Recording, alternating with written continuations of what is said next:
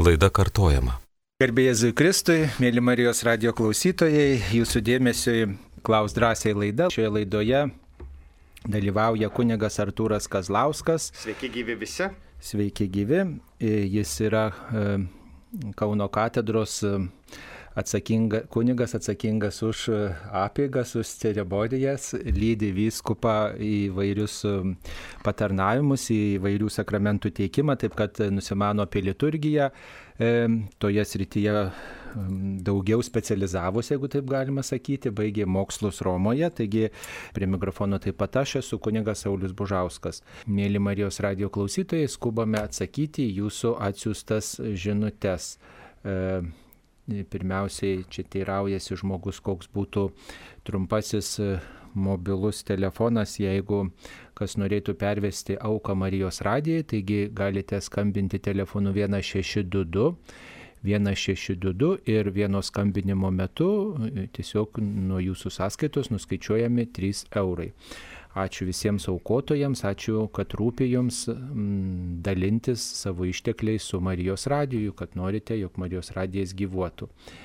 E, dabar dar vienas klausimas specialiai kunigui Artūrui Kazlauskui padėka už katechezės, kurias jis vesdavo antradieniais e, visą, galima sakyti, programos sezoną ir taip pat keli klausimai. E, ar tik rekomenduojama tyla po pamokslo?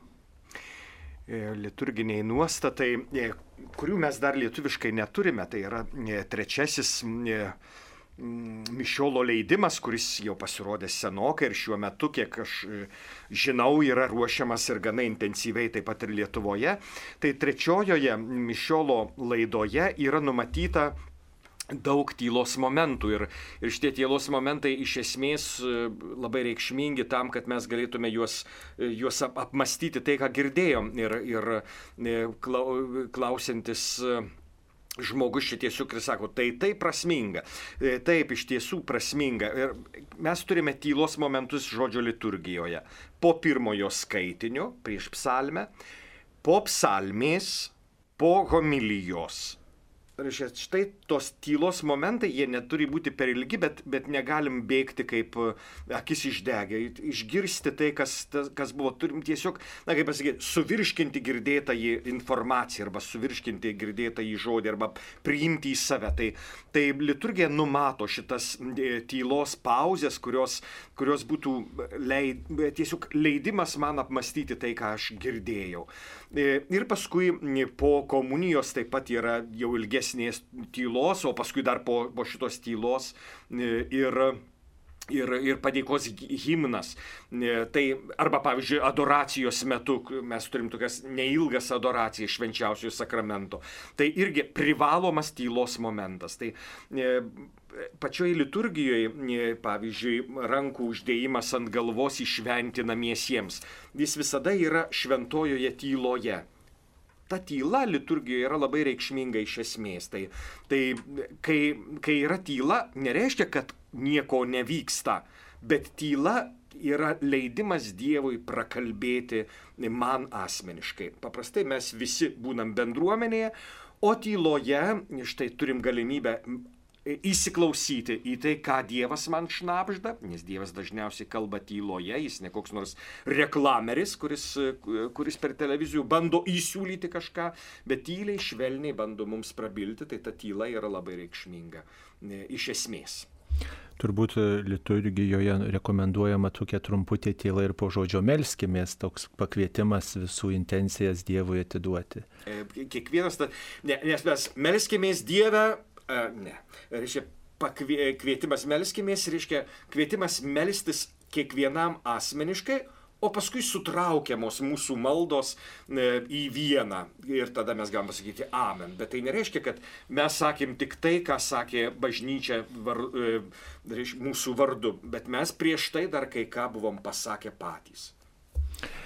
Dar vienas klausimas labai aktualus, sukeliantis daug tokių visokių svarstymų apie komunijos prieimimą į rankas. Ar išliks gerai būtų toks e, pageidavimas? Šiuo metu e, mačiau ir kitą klausimą, ar, ar, dar, ar jau galima priimti komuniją į burną. Tai kol yra ypatingoji padėtis, mes tikimės, kad iki Liepos e, ji tęsis, o paskui galbūt ir bus ta ypatingoji padėtis atšaukta. Lietuvos vyskupų konferencija neatšaukia jokių saugumo e, priemonių. Taigi, negali būti vandens bažnyčioje, negalima bučiuoti jokių relikvijų. Reiškia, ir kunigai nebučiuoja net altoriaus, ir evangelijų knygos nebučiuoja. Reiškia, lygiai taip pat yra ir, ir komunija į rankas. Visi, visos tos saugumo priemonės yra būtinos. Nepamirškim taip pat ir dezinfekanto, kuris yra privalomas naudoti e, kiekvieną kartą. Aišku, bažnyčia privalo net po, kiekvieno, po kiekvienų mišių dezinfekuoti vietas, kur buvo tikintieji. Nežinau, kiek tai naudojama. Aišku, yra rekomendacija taip pat ir, ir nosį ir burną dengiančios kaukės, kurios žiūriu, bent jau mūsų arkikatedroje išnyko nuostabiai, e, tai nuostabiai greitai, aš, man pačiam tai yra sunku našta, bet aš dar užsidedu komuniją, dalin, e, komuniją dalindamas šitą kaukę grinai iš pagarbo žmonėm, kad, kad jie jaustųsi saugiau, nes ką ten žinai, ką tu nešioji. E, e, ir paskum, tai, taigi visos šitos saugumo priemonės galioja viso ypatingojo laiko metu. Komunija į rankas yra senas būdas priimti komuniją. Visame margame pasaulyje šitas būdas jau seniai įvestas, Lietuvoje nebuvo, pandemija mums čia pas, paskubė, paskubėjo šitą dalyką e, komuniją į rankas. Aišku, mes nežinome, ką, aps, ką nuspręs vyskupai. Mes, aišku, galime rekomenduoti, žmonės gali, gali prašyti tokį. Mano mama bent jau sako, aš pasiruošusi visą gyvenimą priimti į, į ranką, dėl to, kad jau į burną priimti tai yra taip nehigieniška. Kokios tos mūsų burnos, sako, aš kalbuosi su, su tikinčiaisiais ir, ir, ir matau, tai, sako, mūsų burnosgi yra nešvarios labai. Tai, tai, tai, va, tai tas ir dėl nešvarumo, bet iš, iš tikrųjų nebijokim komunijos į rankas, tai nėra mažiau garbingas būdas. Čia pagrindinis, tiks, pagrindiniai turbūt turbūt e, diskusija ar pagarbu, ar nepagarbu. Tai žinote, tikrai pagarbu. E, ir į burną, ir į, į delną, šiuo metu aišku tik į delną.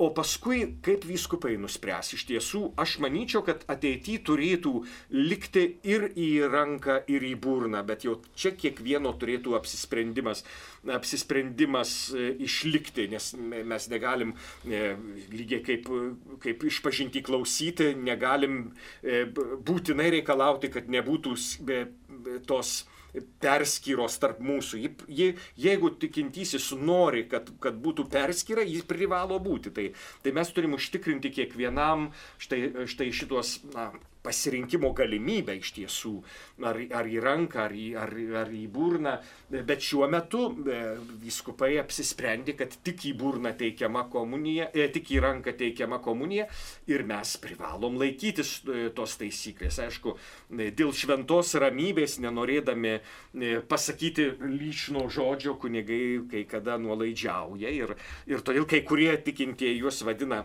šventais kunigais arba drąsiais kunigais. Aš tai manyčiau, kad kaip tik priešinga, bet, bet jau čia kita, kita e, tema. E, bandykim, bandykim visada laikytis bendros bažnyčios dvasios, kuri yra tai, ką vyskupai apsisprendžia. Jie irgi bando tartis, bando klausyti įvairių e, specialistų, e, reiškia, jie, jie ne patys tik tarpusavį apsisprendžia, bet, bet jie tiesiog klausia specialistų, ką mums daryti, kaip, kaip mums elgtis. Vyskupai tada e, priima sprendimą, jau išklausę e, ekspertų, kurie, kurie žino šituos visus dalykus. Tai manau, kad pasitikėti vyskupais e, visai šventas reikalas ir bažnytinis. Čia panašus klausimas, koks pagarbiausias būdas priimti šventą komuniją. Turbūt tas, ta pagarba pirmiausiai pra, prasideda žmogaus širdį, su kokia nuostata jisai artinasi, kaip jisai savo širdį ištyręs. Yra čia turbūt svarbiausia ir nepriima komunijos su sunkiom nuodėmėm, ar tikrai ilgisi Dievo ir išlaiko Eucharistinį pasninką, ar nori susitaikyti e, su artimaisiais, su tais, kuriuos jis įskaudino, ar nori atleisti, ar svarsto tą atleidimo galimybę, ar neturi nuodėmių. Čia apie tai turbūt pagarba didžiausia būtų. O bažnyčioje egzistavo tas būdas į ranką priimti, tas būdas priimti tiesiai į burną, taip pat jau daug metų egzistuoja bažnyčioje, tai lygiai taip pat galima nepagarbiai priimti ir į ranką, ir į burną, lygiai taip pat galima pagarbiai priimti ir į delną dedamą komuniją, ir taip pat į burną. Nu, žinot, saky, tiesiog minėti, kad į burną negalim priimti, nes burna nešvarinė, kito būdo mes tiesiog neturim, vis tiek dėsim į burną, bet tik tiek, kad į delną dedama komunija gali palikti trupinėlių šiek tiek, čia va, žmonės turbūt daugiausia dėl to nuogastauja.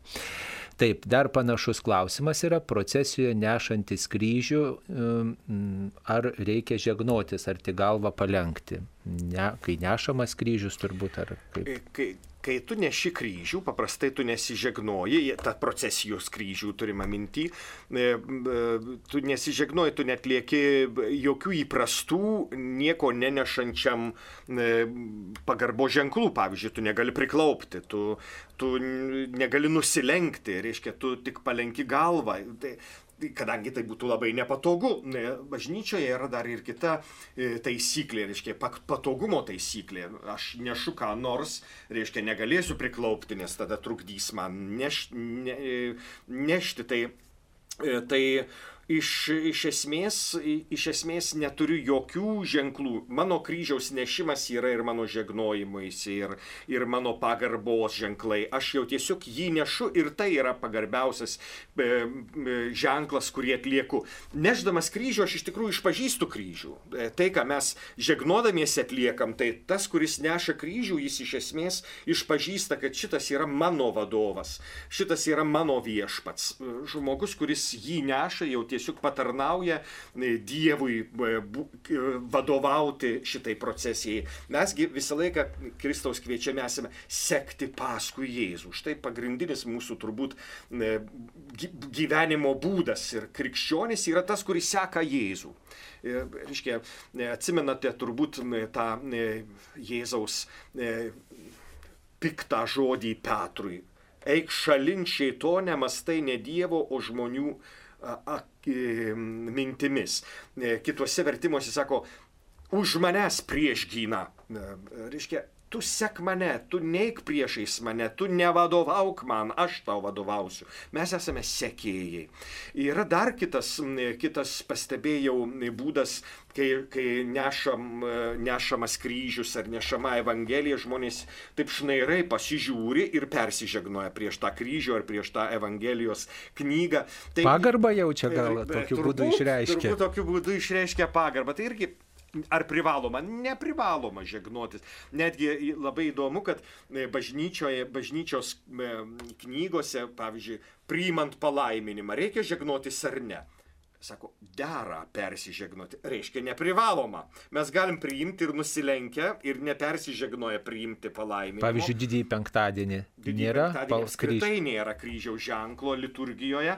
Mes garbinam kryžių, kryžiaus medį bet, bet visai nesižegnojame, nei pradžioj, nei pabaigoj, nei vidury ir palaiminimas be kryžiaus ženklo. Labai įdomus tie ženklai liturgijoje, kurie, jeigu atkreipiam į juos dėmesio, tai reiškia, bažnyčia turi ką pasakyti. E, ir Tai va, tai, tai tas žegnojimasis, aš manau, kad mažiau, bet pagarbaus žegnojimuose.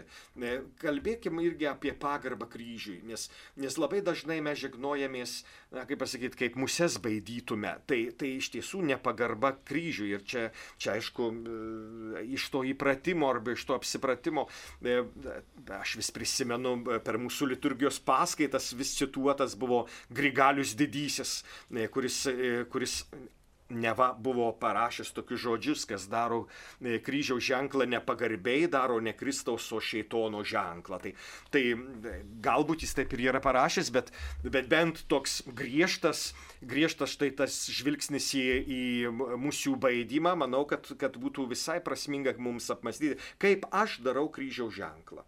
Kaip, kaip aš esu įpratęs jį daryti, e, kiekvienas turėtume paklausti su tikėjimu svarbiausia ir neskubėti, neskubėti. Turbūt dvi pagrindinės taisyklės - su krikščionišku tikėjimu ir neskubėti labai sąmoningai tą daryti. Dar vienas toks svarstymas, kad mišių esmė tai nesudabartinimas, o dvasiniu būdu persikėlimas į tą naktį, kurią Kristus turėjo būti išduotas.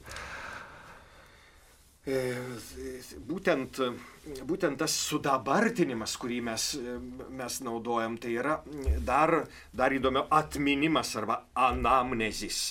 Tai darykite mano atminimui, sako Jėzus. Ir tas atminimas biblinė prasme.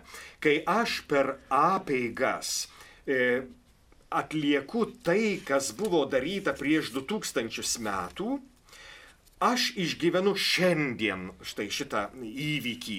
Reiškia, aš persikeliu į e, 2000 metų atgal. Bet čia yra dar vienas labai reikšmingas dalykas. Tai yra amžinybės klausimas. Dievas gyvena amžinybėje, reiškia nuolatinėme dabar. Žinot, kaip tai, kaip tai įvyksta, aš nelabai žinau, nelabai suprantu, kaip gyventi amžinybėje arba nuolatinėme dabar. Taigi, Dievui e, ta naktis, kurią Jėzus turėjo būti išduota, išduotas yra dabar. Reiškia, liturgija mane įkelia į amžinybės laiką. Tas, kuris dalyvauja liturgijoje, papuola į amžinybę taip sakant. Reiškia, aš įeinu į amžinumą, į Dievo laiką. Ir štai tai, kas Dievui yra dabar, tampa ir man dabar. Štai šitas momentas yra, yra man reikšmingas. Ir aš dalyvauju, tiesą pasakius, ir Jėzaus mirtyje, ir Jėzaus prisikėlime, ir įžengime į dangų, ir Sekminėse. Sekminėse dvasios atsiuntime dabar. Tiesą pasakius, aš dabar dalyvauju ir Jėzaus gimime, ir Jėzaus paukojame šventykloje, ir Jėzaus kančioje, ir Jėzaus mokyme, todėl skaitome Evangeliją. Reiškia, nuolatinis dabar, Jėzus veikia dabar amžinybės prasme. Nes Dievas gyvena būtent šitą, šito, šitą prasme. Reiškia, amžinybėje. O mes per liturgiją tiesiog sakome, gauname amžinybės laidą arba jau skonimės amžinumu, kuris mums bus paskui dovanotas, kai, kai mums baigsis laikas, o baigsis mums laikas mirtimi. Tai šita teologinė, e, teologinė įžvalga, jinai, ji nėra tokia, e, tokia lengva suvokti kai kuriems žmonėms, bet jinai ir nėra nelogiška, nes mes labai dažnai bijom nelogiškumo, o popiežius Benediktas XVI, jis yra įsitaręs vieną kartą rimta, rimtame tokiame apmąstyme, kad jeigu kas nelogiška, reiškia ir nekrikščioniška. Tai mes, mes todėl filosofijoje anksčiau vis, vis pir, vos ne pirmasis mokslas būdavo logika, kad mes nu, teisingai mąstytume. Tai, tai, tai yra vis tiek, vis tiek tam tikra tikras dalykas. Bet kita vertus, žmogiška logika paaiškinti visus Dievo slėpinius turbūt na, ne visada bus įmanoma. Reikia e, truputėlį atverti tokiam savo protą ir slėpiniui, kuris už mano svarstymus, už mano išmanimą yra na, didesnis.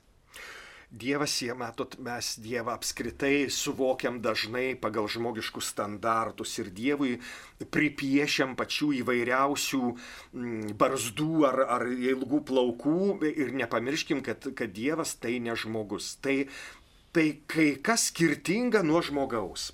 Šita būtis nėra žmogiška būtis, o mes esame šitos būties norėti žmonėmis. Paskui Dievas sūnus tapo žmogumi, tiesiog prisėmė žmogiškumą, kad, kad mus išmokytų žmogiškumo, nes pasirodo, mes norėjome būti Dievu, o mums svarbiausia būti žmogumi. Tai, tai va čia yra tas svarbiausias dalykas, bet, bet reiškia, Dievą, mes sakom ir Biblija turi daugybę antropomorfizmų, tai yra Dievo sužmoginimų arba Dievui priskyrimų žmogiškų savybių. Ir visgi tai ne visada teisinga. Mes sakom, kad Dievas turi širdį, reiškia, myli. Reiškia, jo, jo esmė yra širdingumas arba mylėjimas, nes mes iš tikrųjų, nu, kaip, kaip sako žydai, netgi e, Biblijoje sako, kad mylima kažkokio kitų organų, ne širdimi iš tikrųjų Biblijoje. Aš dabar ne, nenoriu, nenoriu čia suklaidinti jūsų. Tai Biblijos žvilgsnis reiškia, kad aš tave myliu visą širdimi, nebūtinai ne, jis yra biblinis. Reiškia, čia jau mūsų e, sampratoj turbūt daugiau, bet, bet, bet tai tas organas, kuris, kuris sako, yra, yra meilės, e, yra simbolinis. Reiškia, meilė gimsta turbūt ne širdyje, meilė gimsta turbūt mūsų sieloje, kaip ją išreikšti, ar, ar mūsų dvasioje, bet mes tiesiog tą širdį turim kaip simbolį to, ka, to be ko tu negali gyventi. Jeigu širdis sustoja, viskas. Bet širdis, matote, yra instrumentas varinėti kraują iš esmės. Tai, tai štai ką daro širdis iš esmės. Mes širdimi nemylime, mes simboliškai sakom myliu širdimi. Tai yra savo gyvastim, savo, savo tuo, be ko gyventi negaliu. Nes tai kraujas, kuris varinėja deguonį mums po, visa, po visas mūsų gyslas, tai, tai ir yra mūsų gyvybė iš tiesų. Todėl, todėl kraujas buvo toks reikšmingas Biblijoje, kadaise negalima buvo valgyti kraujo ar, ar, ar panašiai, nes tai priklausė Dievui apskritai. Tai reiškia, aš, aš myliu tave visų savo krauju, galėtume sakyti, kas, kas daugiau už širdį, reiškia tai, kas duoda mums tikrą gyvybę, bet širdis, širdis yra tas, tas instrumentas, e, kuris yra tai, tai Dievui, e, diev, sakom, Dievas turi širdį iš esmės, mes sakom, Dievas myli. Bet tai yra simbolinis, simbolinis visgi posakis. Ir, ir tai, tai nėra visai tai, ką, ką mes, ką mes sakom. Jėzus, Dievas tapęs žmogumi, turi širdį ir dar perverta. Ir per amžių amžius jį tokia bus. Tai kaip mes kalbėjom apie, apie amžinumą, ar ne? Tai, tai, tai čia maždaug ta prasme turbūt reikėtų suvokti. Taip, klausytojai reaguoja į, į mūsų temas ir štai dar klausimas panašus apie tą kryžiaus ženklą, kai kuniga žegnoja duobę per laidotuvių apėgas, ar reikia visiems žegnotis. Tai aišku, kad turbūt nereikia, nes e, kunigas laimina duobę. Va Jie paženklina kryžiaus ženklų e, savo ranka, o paskui ta, ta duobė bus paženklinta kryžiumi, kuris pastatytas bus, ar, ar tas medinis iš karto, ar, ar ant mūsų paminklo. Nepamirškim, kad krikščionys savo paminklus arba tai, kas stovi ant kapo, jie, jie ženklina krikščioniškai ženklais. Vienas iš tų ženklų, kad ir ne pats seniausias, bet yra, e, yra, e, yra, yra kryžius. Taip, mums paskambino. Paskambino Stasys iš Vilniaus. Taip, Stasy, klauskite, jūs eteryje. E, girdima toks įsireiškimas, čia jau reikalingas būtinas tiesioginis Dievo įsikišimas. Nu, kad ir pirmas karas, kad ir antras pasaulinis karas, kad e, lyg ir vyksta trečias pasaulinis karas, dabar jis vadinamas virtualus ten buvo badas, ten buvo gaisrai, nusikalstamumo didėjimas, dabartinė pandemija, priklausomybių lygos ir jų didėjimas ir jos ten kai kurios labai baisios ir taip toliau.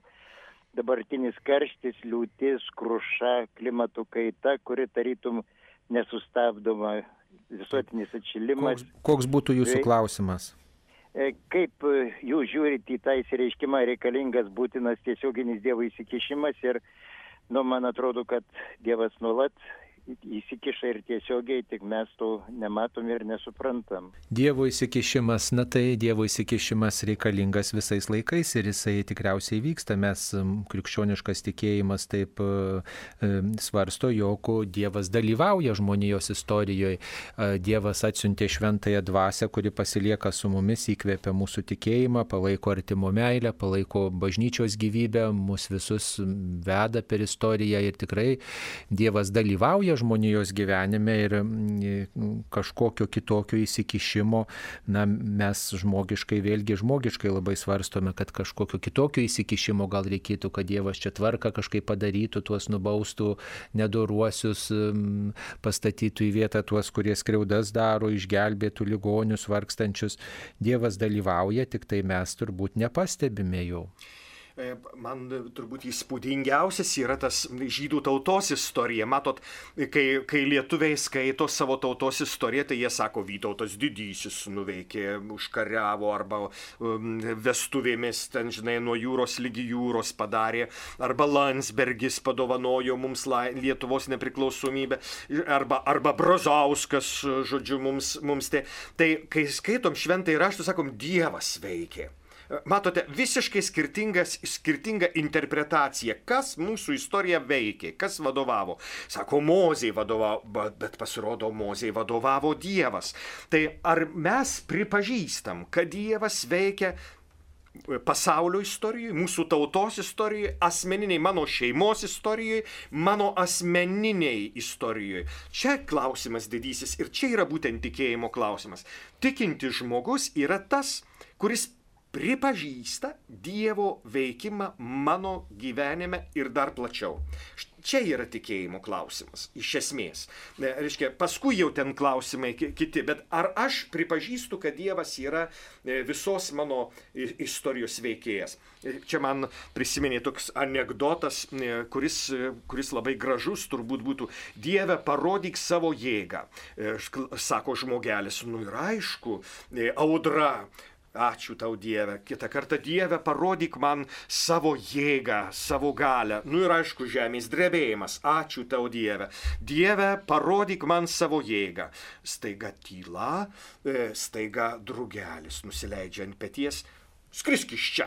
Tai reiškia, mes mažų dalykų ne, nepajėgus priimti kaip Dievo e, galę. Bet Dievas veikia per, per tylą, per, per šnapždą, kviečia. Tai va, aš manyčiau, pripažinti Dievo veikimą mano gyvenime ir yra būti tikinčiuoju. Tai per Marijos radiją skaitomas Naujasis testamentas, ar būtų galimybė skaityti Senąjį? Tai mes apie šitą galimybę svarstome ir, žinot, tam, kad nuolat būtų skaitomas šventasis raštas, reikia jį gerai skaityti, kad tą padarytų tinkamai pasirengę žmonės. Tai apie tokią galimybę svarstome. Ačiū už įžvalgas. Dar vienas klausimas apie e, vyskupo galvos apdangalų, apdangalų kaitaliojimą peigų metu. Prašau paaiškinti, ką tai reiškia.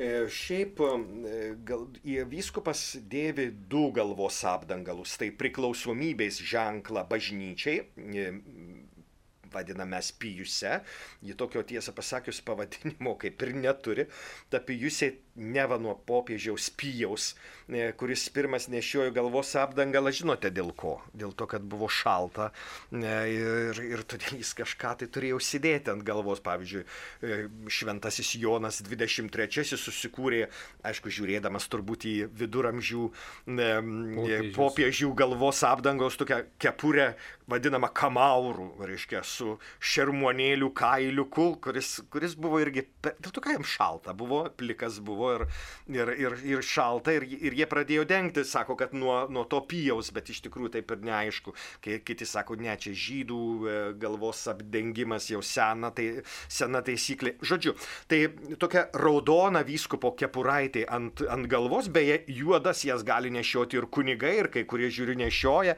ir, ir popiežiaus vienas iš ceremonijarijų atvažiavęs į Lietuvą irgi plika galva, e, irgi buvo užsidėjęs didesnę tokią kad, kad nesušaltų. Tai, e, bet čia yra simbolinis tas priklausomybės bažnyčiai. Kai kas dar, dar tą e, pijusę vadinamą raudoną raudoną mažytę kepuraitę ant, ant viršugalvio e, vadina kaip pridengimą e, tos krizmos patepimo vietos, nes po vyskupui e, yra tepama būtent viršugalvis pagal tradiciją. Tiesiog pilamas aliejus kadaise būdavo ir, ir tokiu tu, tu, e, dar per, per apėgą senovinės vyskupas būdavo turbanuojamas, tai yra jam uždedamas turbanas, o tas turbanas buvo reikalingas tam, kad susigertų aliejus e, e, į į, tą drobę, į tą turbaną, e, o ne ištekėtų ant brangių auksuotų drabužių. Tai, tai va, tas turbanas dar kadaise būdavo. Ir, ir, tada, ir tada mes turime mitrą, iškilmingą į drabužį, e, kurio, e, kurio tikslas yra, atvirai pasakius, padaryti vyskupą aukštesniu už kitus. Reiškia, jis yra pirmas, jis yra svar, svarbiausias ir todėl didžiausias čia E, žinote, būna ir, ir tokių mažų vyskupėlių e, ūgių, tai jie užsideda ir tada, nu, kaip pasakyti, matyti labiau tas įskyrimo dalykas, reiškia būti aukštesniu arba būti pirmu bažnyčiu arba būti vadovaujančiu. Čia ta, ta prasme, nes vyskupas, kaip mes žinome, yra yra iš esmės e, bažnyčios galva. Kartu su popiežiumi jis vadovauja vietiniai bažnyčiai, kuri iš esmės yra tikroji bažnyčia. To, ta, kai mes sakome visuotinė bažnyčia, tai visuotinė bažnyčia yra abstrakcija, o konkreti bažnyčia yra e, tada, kai yra vyskupas arba asmeniškai, arba per savo atstovaujamą save kuniga, kuris atstovauja vyskupą. Štai, štai ir yra ta visuotinė bažnyčia. Tai ir vis, visų minimame barbieriškyje, reiškia, tai mišios, kurios, kurias švenčia vyskupo kunigas, jos yra visuotinės bažnyčios ženklas. Dar ta e, kepurė didžioji arba mitra, kaip mes vadinam, jinai, sako, yra kilusi iš vyriausiojo kunigo galvos apdangalo, e, kuris, kuris, išreišk, e, kuris yra aprašytas e, Biblijoje, kaip jis turėtų būti padarytas.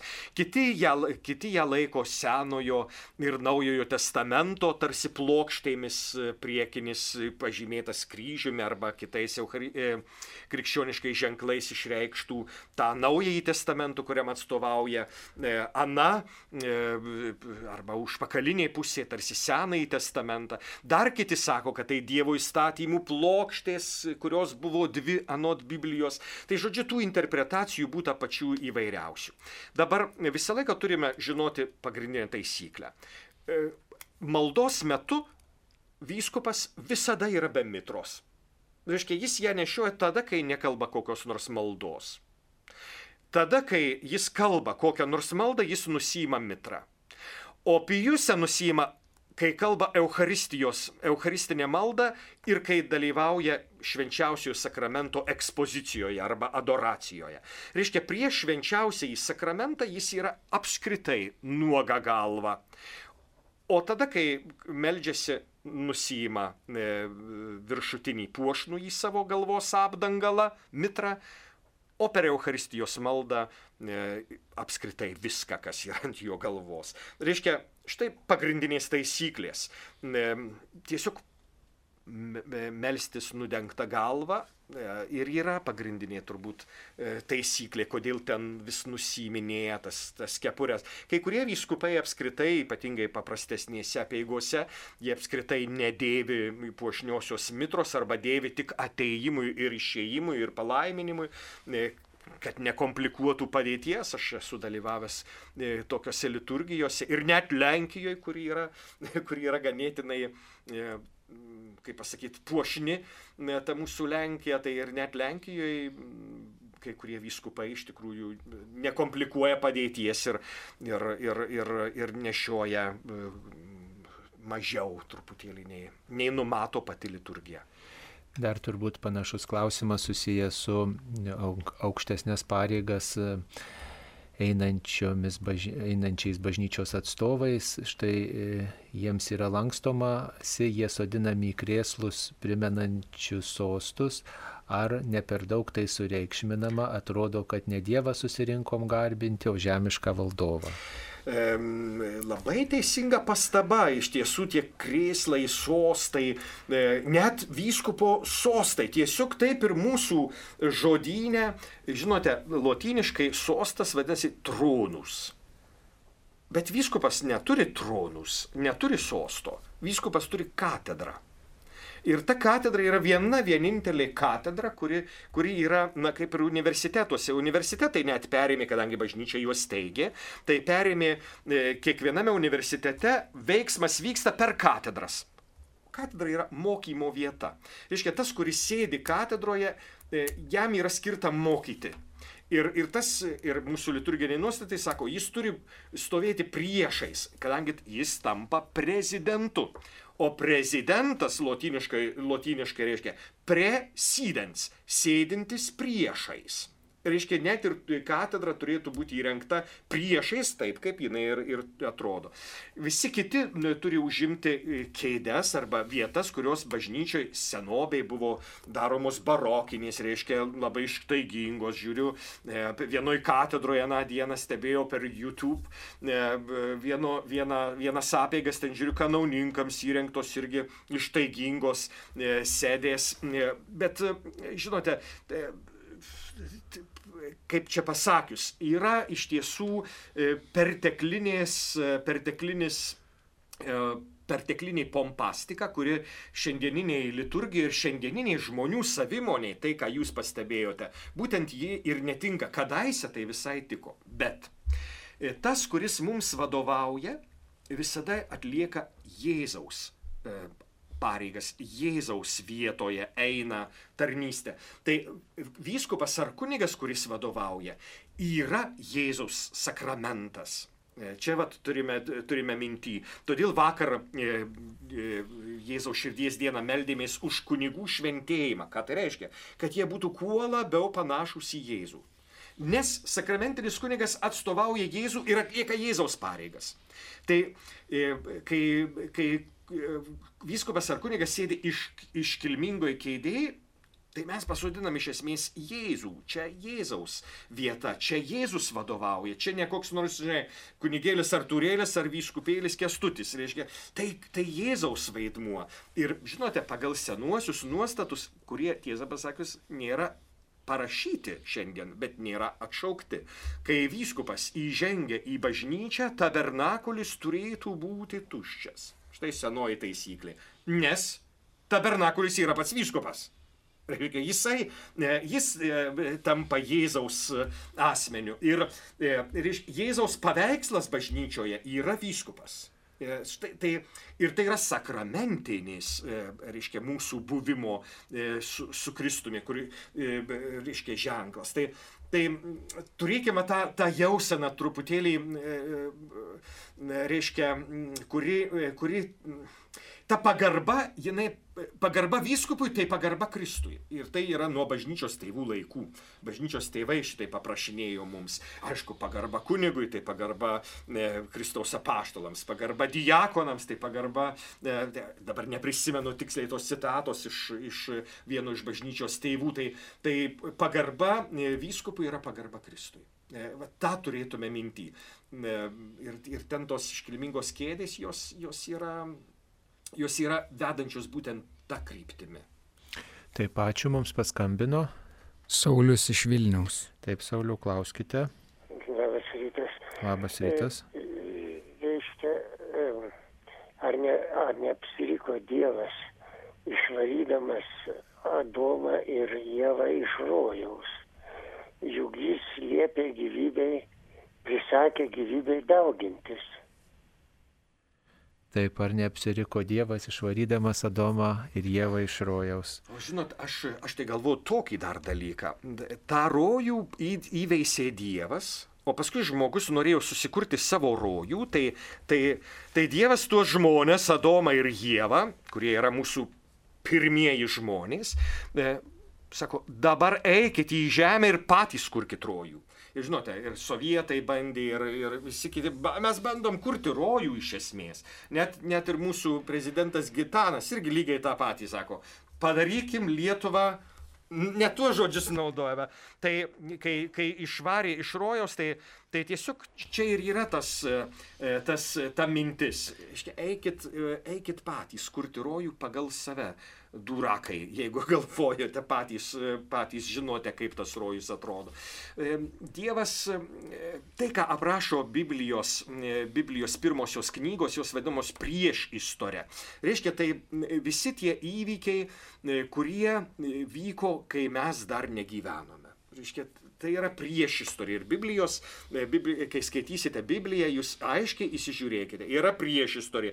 Nuo Abraomo prasideda istorija. Reiškia, mes Abraomą pirmąjį asmenį laikom istoriniu. Reiškia, o Adomą ir Jėvą laikom teologiniais e, asmenimis. Nes, nes mes jų, kaip pasakyti, jų, e, jų istoriškai nematėme, bet pasakojimas yra esmių esmė. Mes ten nu, pasakom e, tu, tuos priešistorės skaitydami, mes, mes iš tikrųjų pasipasakojam savo esminius dalykus. E, e, apie tai, kad, kad Dievas sukūrė pasaulį gražų ir gerą. Pavyzdžiui, pirmasis Biblijos puslapis ne apie tai, kad, kad sukūrė per septynias dienas, ne apie tai, kad, kad kad kūrė šitą tvarką. Ne apie tai, kad nu, aš nežinau dar kaip, kaip čia pa, e, papasako daugiau, bet apie tai, kad viskas, kas yra pasaulyje, yra Dievo sukurta ir gera. Žinote, kodėl taip sakau? Todėl, kad nuolat kartojasi, Dievas matė, kad tai buvo gera, Dievas matė, kad tai buvo gera. Ir kai kurie mokslininkai sako, būtent šitas pasakojimas šitai parašytas kaip priešingybė kitiems panašiems pasakojimams, kuriuose pasakojama apie tai, kad yra du dievai, vienas kuria gerą, kitas kuria blogą. O žydiškoji tradicija, e, reiškia, sako, ne, ne, yra vienas Dievas, kuris kuria tik gerą. Štai pirmoji, pirma, pirmoji Biblijos mintis e, pasakojanti apie pasaulio sukūrimą. Lygiai išvarymo scena iš rojaus turi kitas didesnės, gilesnės prasmes, kurias reikėtų įžiūrėti ir įsimastyti skaitant. Taip ačiū. Kiek vidutiniškai turėtų trukti šventosios mišios bažnyčioje? Nejauku, kai mišes kunigas praveda paskubomis per 20 minučių. Turbūt nėra reglamentuota niekur, koks yra, turėtų būti šventų mišių laikas. Kunigų seminarijų auklė, seminarijos auklėtiniai, kurie šiandien yra nu, vyresni už mane ir žymiai, e, jie vis prisimena, kaip katedroje, pavyzdžiui, e, celebruodavo koks nors na, veikėjas didelis ano, ano laikmečio ir jis užtrukdavo 10 minučių arba 12 minučių. E, būdavo sen, senosios mišios, jos būdavo, žinot, lotyniškai, tai, tai niekas ten jų negirdėdavo ir dar sakydavo, kad reikia sakyti sekretom. Reiškia, tyloje mišes laikyti, tai žinote, kas ten patikrins, ar tu ištarė žodžius ar ne. Aš dar būdamas vaikis prisimenu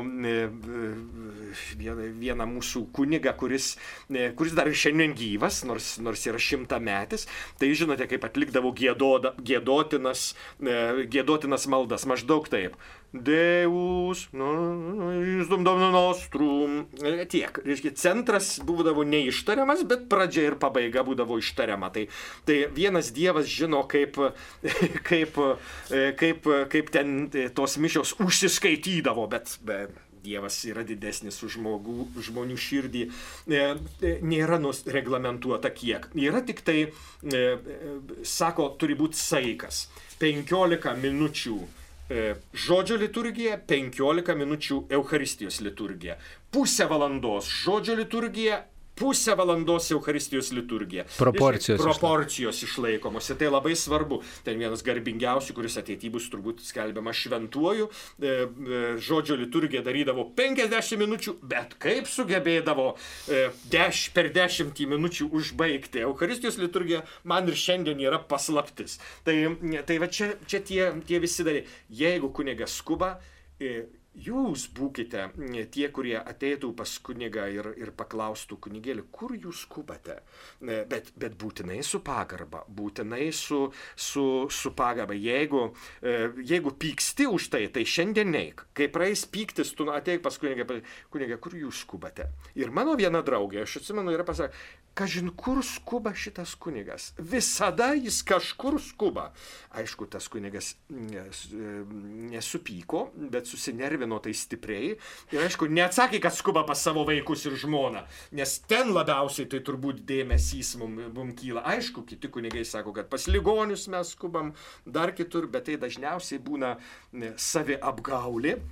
Tai kunigo skubėjimas yra tam tikra įda ir, ir melskimės už, už mūsų kunigus, melskimės vieni už kitus, kad būtume kuo geresni altoriaus tarnautojai. Žinote, kiekvieną dieną celebruojant, e, kartojant tas pačias mintis, būnant su tais pačiais žmonėmis, apsiprantama, papuolama į rutiną ir, ir, ir retas kunigas neišgyveno rutinos kančios. Tai, tai yra iš tiesų sunkus, sunkus dalykas. Ir kai tu nori kuo greičiau bėgti nuo šitų žmonių, kai tu nori kuo greičiau bėgti į užsidaryti, tai čia yra įvairios, įvairios problemos, kurias, kurias mes turim. Ir tai, tai kad kunigas skuba, yra, yra jau ganėtina problema. Taip mums paskambino. Gediminas iš Panevežio. Taip, Gediminai, klauskite, jūs gar, garbė Jėzui Kristui. Per amžius. Aš galvoju, kad ką pasakytų kunigas Kazlauskas, sakykime, mes dabar visi taip šnekam, filosofuojam. O pavyzdžiui, paragint kunigam Lietuvos bažnyčiai, kad pavyzdžiui jaunimas, sakykime, mokiniai e, įsitrauktų į gyvą į rožinį, sakykime, ten po pamaldų, kai kalbama yra. Niekas neparagina, vien babutės, pavyzdžiui, nu, vaizdelis nekažin koks, žinokit, yra. sako, o jaunimas neis, bet tai yra, ne, ne, net nieks neparagina, gali gerai, iš dešimt septynimis, gal trys ateisi, a gal vienas ateisi, tai jau bus kažkokia tai pergalė. Niekas neparagina. Na, pavyzdžiui, tai va, ką noriu pasakyti. Taip, ačiū, ačiū. E, dėkui už klausimą ir tai iš esmės yra e, vienas reikšmingiausių turbūt dalykų, ką mes, ką mes šiandien bažnyčioje išgyvenam. Tai, žinote, prieš keletą metų man buvo e, garbė e, prisidėti prie Kaune vykstančių e, Lietuvos jaunimo dienų. Ir, ir me, vienas iš rengėjų buvau ir, ir mes turėjom vieną didžiųjų problemų. Mes pastebėjom, kad, kad parapijose jaunimo labai labai mažai. Ir, ir tos, ta, to jaunimo nebuvimas bažnyčioje yra vienas didžiųjų, didžiųjų turbūt tragedijų, kas, kas yra šiandien. Matot, jaunimas nėra ateitis jaunimas yra dabartis. Ir ar tas jaunimas dabar yra su mumis ar ne. Ir čia, ir čia apie, apie rožinį su šituo jaunimu kalbėti reikės paskui, bet pirmiausia, jį reikia turėti, jį reikia, jį reikia kviesti ir žinot, kaip jisai kviečiamas. Tai, tai aną dieną mes, mes turėjom tokią Zakristijonų konferenciją Kauno viskupija vis, vis kasmet e, ruošia zakristijonų arba vargonininkų, arba skaitovų, arba valytojų, arba raštvedžių, reiškia, konferencijas, kuriuose bandoma tiesiog pabūti kartu ir atšviežinti, duoti naujų idėjų ir panašiai. Tai mes zakristijonams buvom pakvietę, kaip dirbti su šiandieniniais vyrukais, reiškia, nes ministrantų e, tragiškai nyksta viena kita parapija, kuri turi ministrantus iš tiesų. Ir, ir štai mes gavom dviejų vyro ir žmonos, Manto ir, ir, ir Paulinos E, e, reiškia, liudymą, jie aišku išsilavinusi ir mes gavom tris žodžius, kuriais yra įmanoma e, pasikviesti ir turėti šalia savęs žmonės, tai trys žodžiai. Pirma, žaidimas, reiškia, būk kartu su jais. Antra, e, saugumas. Ir trečia, santykis. Reiškia, santykis kuriamas per buvimą drauge E, ir per buvimą drauge e, ma, maloniai ir e, per davimą saugumo. Aną dieną mes turėjom su vyrais, žinote, pokalbį apie vyrus bažnyčioje E, nežinau, ką Artuma iš, iš to mūsų pusantros valandos pokalbio padarys į straipsnį, e, e, kas skaitys, manau, manau turės, turės daug įdomių išvalgų. Ir ten nuskambėjo vienas, vienas toks mane išgazdinęs dalykas. Sako, prie kunigo juk nedrasu prieiti išjuoks, apskelbs tau, kad tu durnai mastai, kad tu klysti. Reiškia, kunigas yra nepasiekiamas ir geriau prie jo neiti. Tai, tai štai pagrindinis, pagrindinis dalykas, mane išgazdinęs labai rimtai. Aš žinau, kad visi galvo, kad aš baisiai griežtas. Tai, e, tai tas mano griežtumas ir atstumė nuo manęs daugybę žmonių, aš tą dalyką žinau. Bet aš iš tikrųjų nesu toks griežtas, ypatingai savo. Tai, e, tai, e, tai suprantate. Tai, kada me, kad, kai mes pradėsim būti drauge su jaunimu, būti drauge su senimu, štai, štai nu, kai duosim jiems saugumą, štai prasidės santykis. Tada, kai prasidės santykis, štai tada aš galėsiu paprašyti, o gal melskimės. Sakys, būtinai, su tavim būtinai. Ir tai, ką tu siūlai, būtinai kol to nebus, aš galiu, bet kad reikia kviesti ir nebūt, ne tik jaunimą, bet ir senimą, tai į daugybę dalykų, į gyvą į rožinį, į kryžiaus kelią, į graudžius verksmus, į e, konferencijas, į susitikimus, į maldos grupės kviesti būtina. Aš žinau, kad mes tingim kviesti. Sako, jau kviečiau, vis tiek nieks neėjo. Nu tai pavargsta ir tie kunigai atsiprašant. Tai mes, pasauliečiai, aišku, aš atsiprašau, nesu pasaulietis, bet pasauliečiai irgi privalo kviesti ir tą patį jaunimą. Ir mes, mes turim paskatinti, žinai, aš dalyvauju maldos grupėje. Ateik. Arba aš e, kalbu gyvą į rožinį prisijung prie mūsų. Žinote, man atrodo, kad dažnai, kai pakviečia pasaulietis, ir tai turėjo minty palaimintasis Jurgis Matulaitis, sako, pasaulietis pasaulietį geriau pakvies nei kunigas e, pasaulietį. Reiškia, e, pasaulietčio liudijimas yra kur kas reikšmingesnis. Aš žinau, kaip jūs galvojate apie kunigus. Nu, jie už tai pinigus gauna, todėl taip šneka. O kai pasaulietis kviečia, visai kitas, visai kitas lygis, jisai už tai pinigų negauna. Bendradarbiavimas. Bendradarbiavimas, kurie, reiškia, mes turim prisijimti už bažnyčios gyvastį atsakomybę visi. Pirmieji kunigai Bet visi, visi, visi esame krikštų tapę kunigais ir todėl tas mūsų apaštalavimas tarp savo darbovietėse, savo mokyklose, savo universitetuose, jis yra vienintelis būdas patraukti prie Kristaus. Taip, mums paskambino, kasgi paskambino? Arnoldas iš Birštono. Taip, Arnoldai, klauskite. Per amžius. Mane paskatino kreiptis į jūs, tiksliau, kaip sakant, ir paklausimu, ir, nu, aš negaliu taip sauliais, kad ir pasiūlymu, bet esmė glūdi tame. Vadinasi, dabar žmonės skambina dėl deficito arba dėl lankomumų bažnyčių. Manyčiau, ir ne tik aš vienas manyčiau, kad yra tam tikras, reiškia, vakumas, neatsakant į šių dienų realijas, į klausimus, kurie aplamai rūpi visuomenių, jų yra gausybė.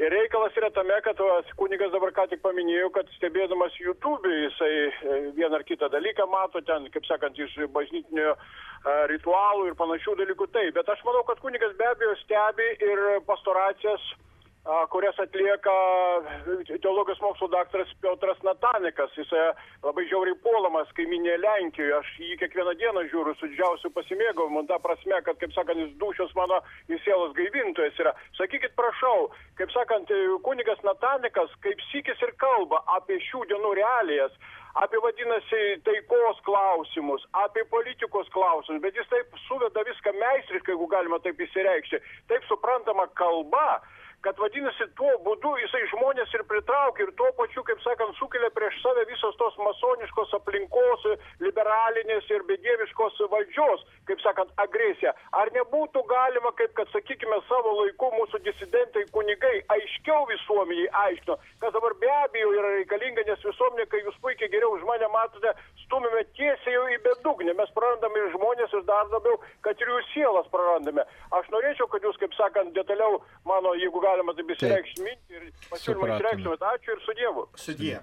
E, aš tai sakyčiau, turbūt ir, ir kunigas Saulis pritars ir man, e, mano minčiai, kad pasiūlymų teikti būtina. E, žinoma, jeigu mes juos teikiam arogantiškai pasiūlymus, tai žinai, visi užkėtina širdis, bet, bet taip, kaip, taip, taip kaip dabar siūloma, tai yra teisinga ir tobula ir, ir tuos pasiūlymus reikia duoti, nes kai, kai kada mums, mums ne, ir viskupams, ir, ir kunigams net į galvą nešauna kai kurios paprastos ir genialios mintys ir idėjos. E, iš tiesų, e, pandemija mums dovanojo e, apmąstymą apie virtualią erdvę, kuri kadaise būdavo tyliai keiksnojama, kad, kad ten velnio išmislas ir panašiai. Ir staiga mes atrandam, kad tai yra evangelizacijos priemonė, kuri jau buvo aišku seniai matyta ir, ir, ir žinota, e, tik tai netaip, netaip e, gausiai e, naudojama tam. Tai visom priemonėm Evangelija yra skelbiama ir bažnyčios dokumentai tai, tai mums pateikia ir tai, tai nėra nauja, kad, kad būtų visiškai nauja ir neregėta kalbėti įvairiom temom iš tiesų mes neturim tokių kalbėtojų kaip, kaip Lenkija. Žinote, Lenkija yra milžiniška ir, ir, ir kai, kai tu pagalvoji, kiek, kiek toj Lenkijoje yra e, kalbėtojų, tai turbūt irgi ant, ant abiejų rankų pirštų mes galim suskaičiuoti. Ir čia Lietuvoje mes, mes kol kas neturime tokio kunigo, laukiam, kai, kurie grįš iš užsienio studijavę. E, aš manau, kad, kad būtent, būtent jie galėtų čia būti e, kalbėtojai. Yra kunigų, kurie, pavyzdžiui, studijavę sociologiją, kurie politikos mokslus baigė. Reiškia, kunigėlis Kazlauskėlis dėja yra baigęs tik tai e, sakramentų teologiją Romoje ir, ir viskas. Tai aš žinote, apie politiką galiu pasikalbėti su, su savo draugais prie stalo ir dažniausiai tyliu, nes aš nelabai išmanau.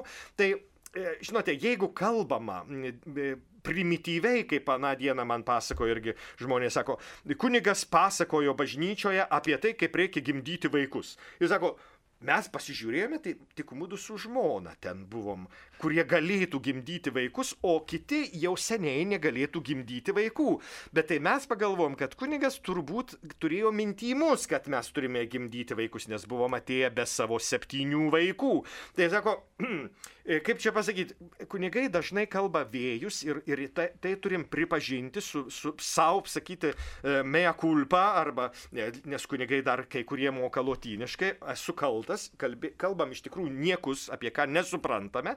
Ir, ir tai yra mūsų klaidos. E, nes, nes e, kunigo kalbėjimas vėjus yra gėda, tai mažiausiai O kunigai turi skelbti Evangeliją, bet jau kad pasauliečiai turi, e, katalikai, pasauliečiai turi mus e, supažindinti su politikom, su, e, su taikos ir, ir, ir yra tokių pasauliečių. Ir mes žinom kariuomeniai dirbančių, kur, su kuriais kapelionai bendradarbiauja, kviečiasi į savo, į savo netgi bendruomenės, kad iš tikrųjų pristatytų štai šitos dalykus. Reiškia kalbėti temomis, kurias geriausiai išmano. Matot, kunigo uždavinys nėra, nėra kalbėti apie taiką pasaulyje arba apie, apie um, politiką. Bet įtakoti taiką, įtakoti politiką, įtakoti gamtos apsaugą aš privalau. Kiek, čia, čia jūsų minimas dalykas, pasaulis rieda į, į pražūtį turbūt vieninteliai vietoje ekologiniam temom, kurias popiežius pradėjo kalbėti. Ne, neapsigaukim, daug tų temų, e, kurios e, mus veda į pražūtį, nėra. Pirmoji nuodėmė, tai veda mus į pražūtį rimtą, Tai ir mano asmeniniai nuodėmė, sunki nuodėmė apsisprendimas veikti ne pagal, ne pagal šventosios dvasios įkvėpimus. Tai yra nuodėmė kai aš sakau, aš veiksiu pagal savo principus arba pagal pasaulio principus arba, arba e, ne, ne pagal Kristos principą. Čia veda į. Ir tokia jau globali, tai, tai e, ekologinė katastrofa, kuri laukia pasaulio, todėl atšilimai turbūt čia e, nuo tų, tai kas, kad garbingasis Trumpas mus išjuokia ir sako, čia ne, ne dėl to, bet mat, matyti yra įtakos. Todėl Pranciškus sako, turime kažką daryti. Ir, ir šiandien pagrindinė mintis, kurią čia popiežius išreiškė, sako, socioekologinė katastrofa, kuri šiandien e, pasėta dar ir, ir, ir mes turime ir niekaip jos neįspręsime kaip asmeniniu visos visuomenės atsivertimu.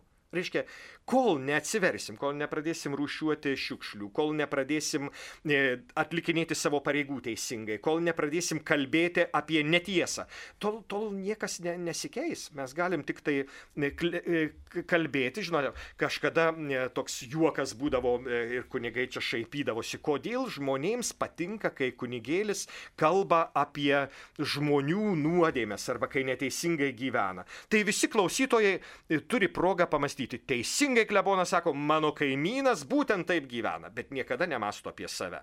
Ne, jeigu mąstytų apie save, niekam nepatiktų. Tiesa. Bet kai apie kaimyną mes mastom, štai mums visiems labai smagu. Tai Tai čia gal tokia refleksija, o, o, o pagrindinis dalykas, ką, ką, ką jūs e, birštonietį minėjot, tai pasiūlymus reikia teikti, reikia teikti, reikia išdrysti. Na, kunigo uždavinys turbūt pirmiausia yra skelbti Dievo žodį ir paaiškinti tikėjimo dalykus. Va, tai čia tiesioginė užduotis, o aišku, tą suaktualinti, kad šiandien, kaip šiandien Dievas kalba ir kokie ženklai galbūt yra, tai žinoma, čia jau galime taip pat pageidauti ir, ir patys prie to prisidėti, prašydami, siūlydami ir svarstydami, patys būdami aktyvesniais. Mums paskambino Janina iš Vilniaus. Taip, Janina, klauskite. Per amžius. Pirmiausia, labai noriu padėkoti visiems kunigams. Ačiū, kad esate. Ir kunigui Sauliui, kada beįjungsiu Marijos radiją visur jis. Stebiuosi, kaip jis ir suspėja. Ir ačiū Dievui, kad suspėja. Ir toliau jums stiprybės. O klausimas būtų, kada vyksta aukos liturgija tai pasidairius, ne, atsiprašau, pasidairius, matosi vieni galvas nuleidė, pasilenkė, kiti pakėlė, kaip iš tikrųjų reikėtų elgtis. Taip, ačiū. labai. Ačiū. O, reiškia, žmonių laikysena aukos liturgijos metu.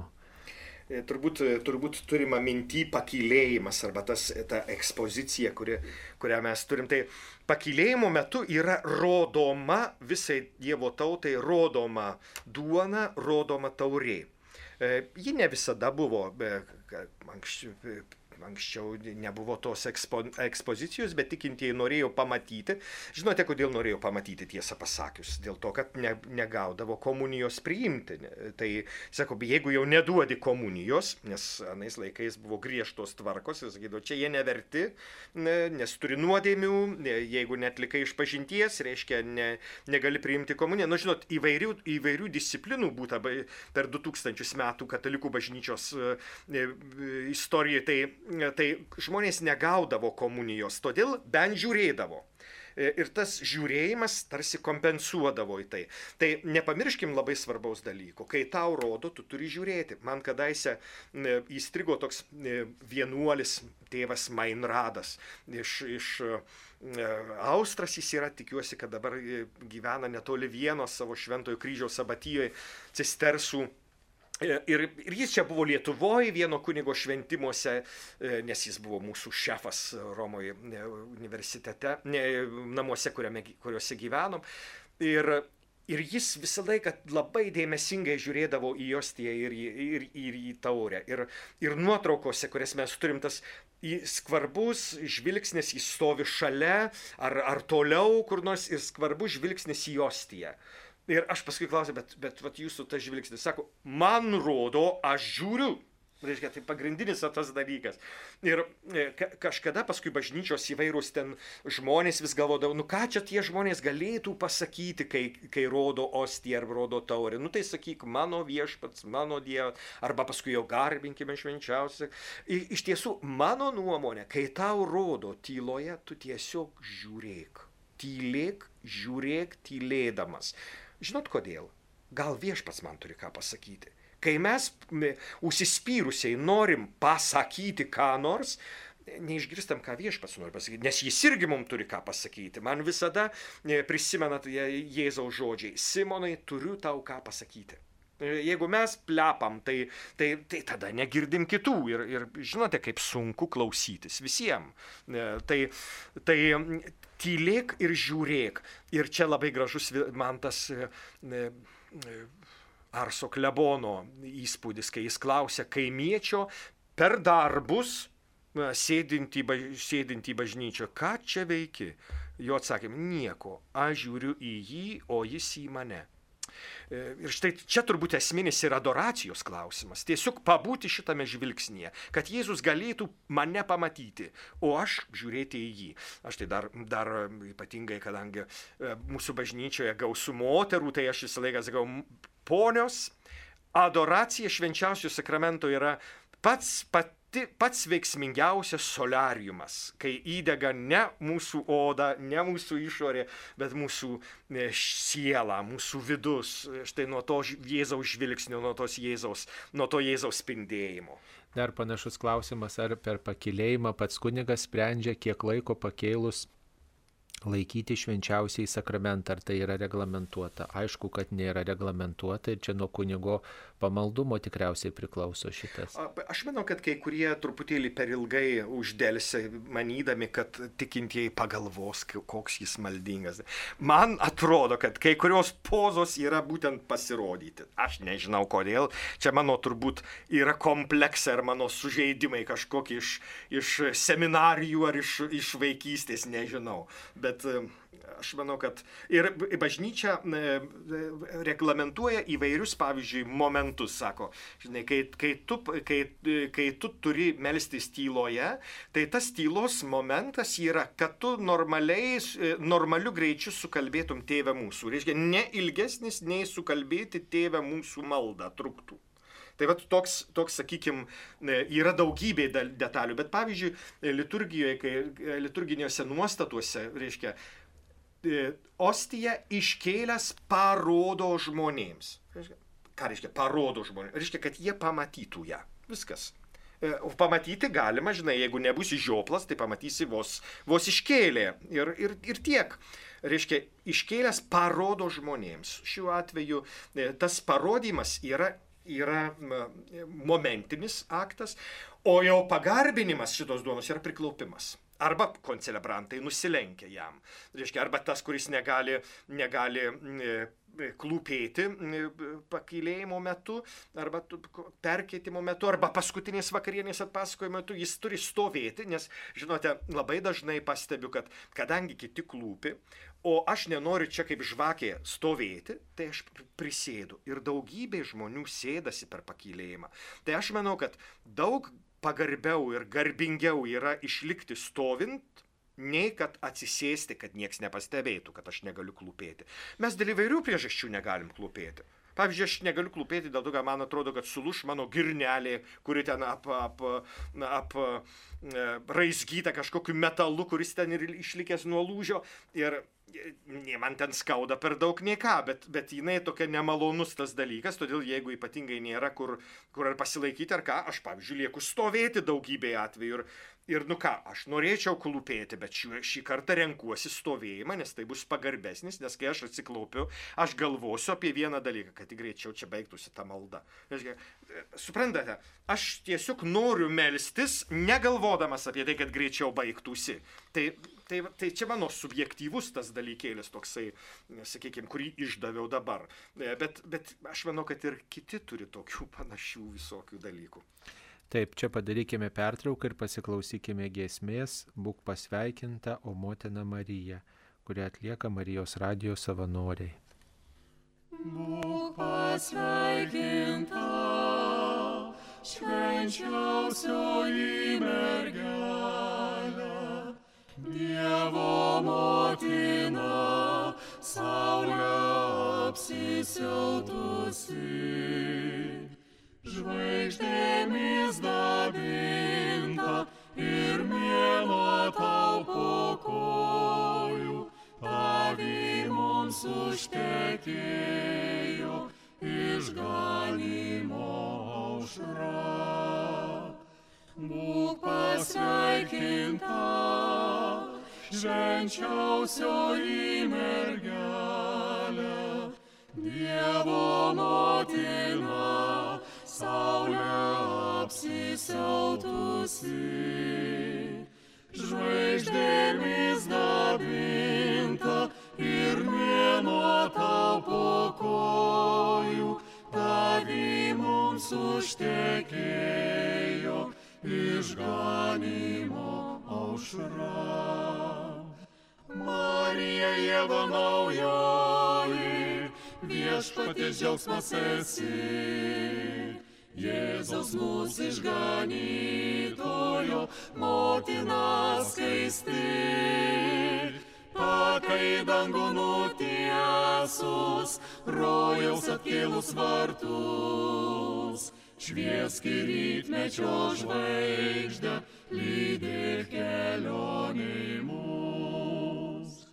Būk pasveikinta švenčiausioji mergelė, Dievo motina, saulė apsisiautusi. Žvaigždėmis dabinta ir mėnuo tau po kojų, tavi mums užtekėjo išganimo aušra kryžiaus papėdės stovėjai, meilėje ištikima.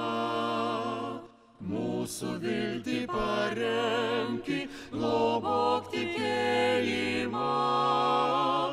Motina sopulius kentus, stiprinkimus visados, švento kraujo galybę, sūnaus širdies žaizdos. Būk pasveikinta, švenčiausioji mergelė, Dievo motina, saulė apsisiautusi, žvaigždėmis dabinta ir mėnuo tau po kojų, tavi mums užtekėjo išganimo aušra.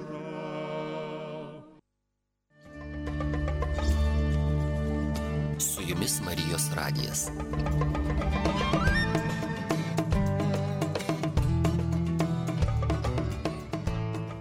Tu es grand Dieu saint, loué soit ton nom, tu es grand Dieu fort, et nous célébrons Dieu de tendresse,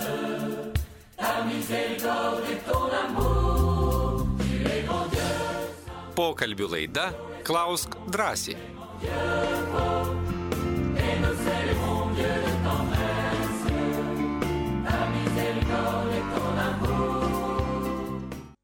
Sveiki gyvi dar kartą, mėly Marijos radio klausytojai. Laida Klaus Drąsiai. Šioje laidoje dalyvauja kunigas Artūras Kazlauskas iš Kauno arkikatedros bazilikos, besidomintis e, liturgiją ir daug išmanantis šioje srityje. Ir štai vienas atsiustas klausimas apie vargonininko vaidmenį mišiose. Koks turėtų būti vargonininkas, ar labai soliuojantis savo balsu, ar neturėtų užgošti kunigo tariamų žodžių. Tematika, kuri, kuri yra labai reikšminga, e, nes Lietuvoje kol kas vargoninkus turim beveik visur. Pavyzdžiui, tokiai mano mylimoje Italijoje vargonininkų tarnybos buvo atsisakyta gana seniai.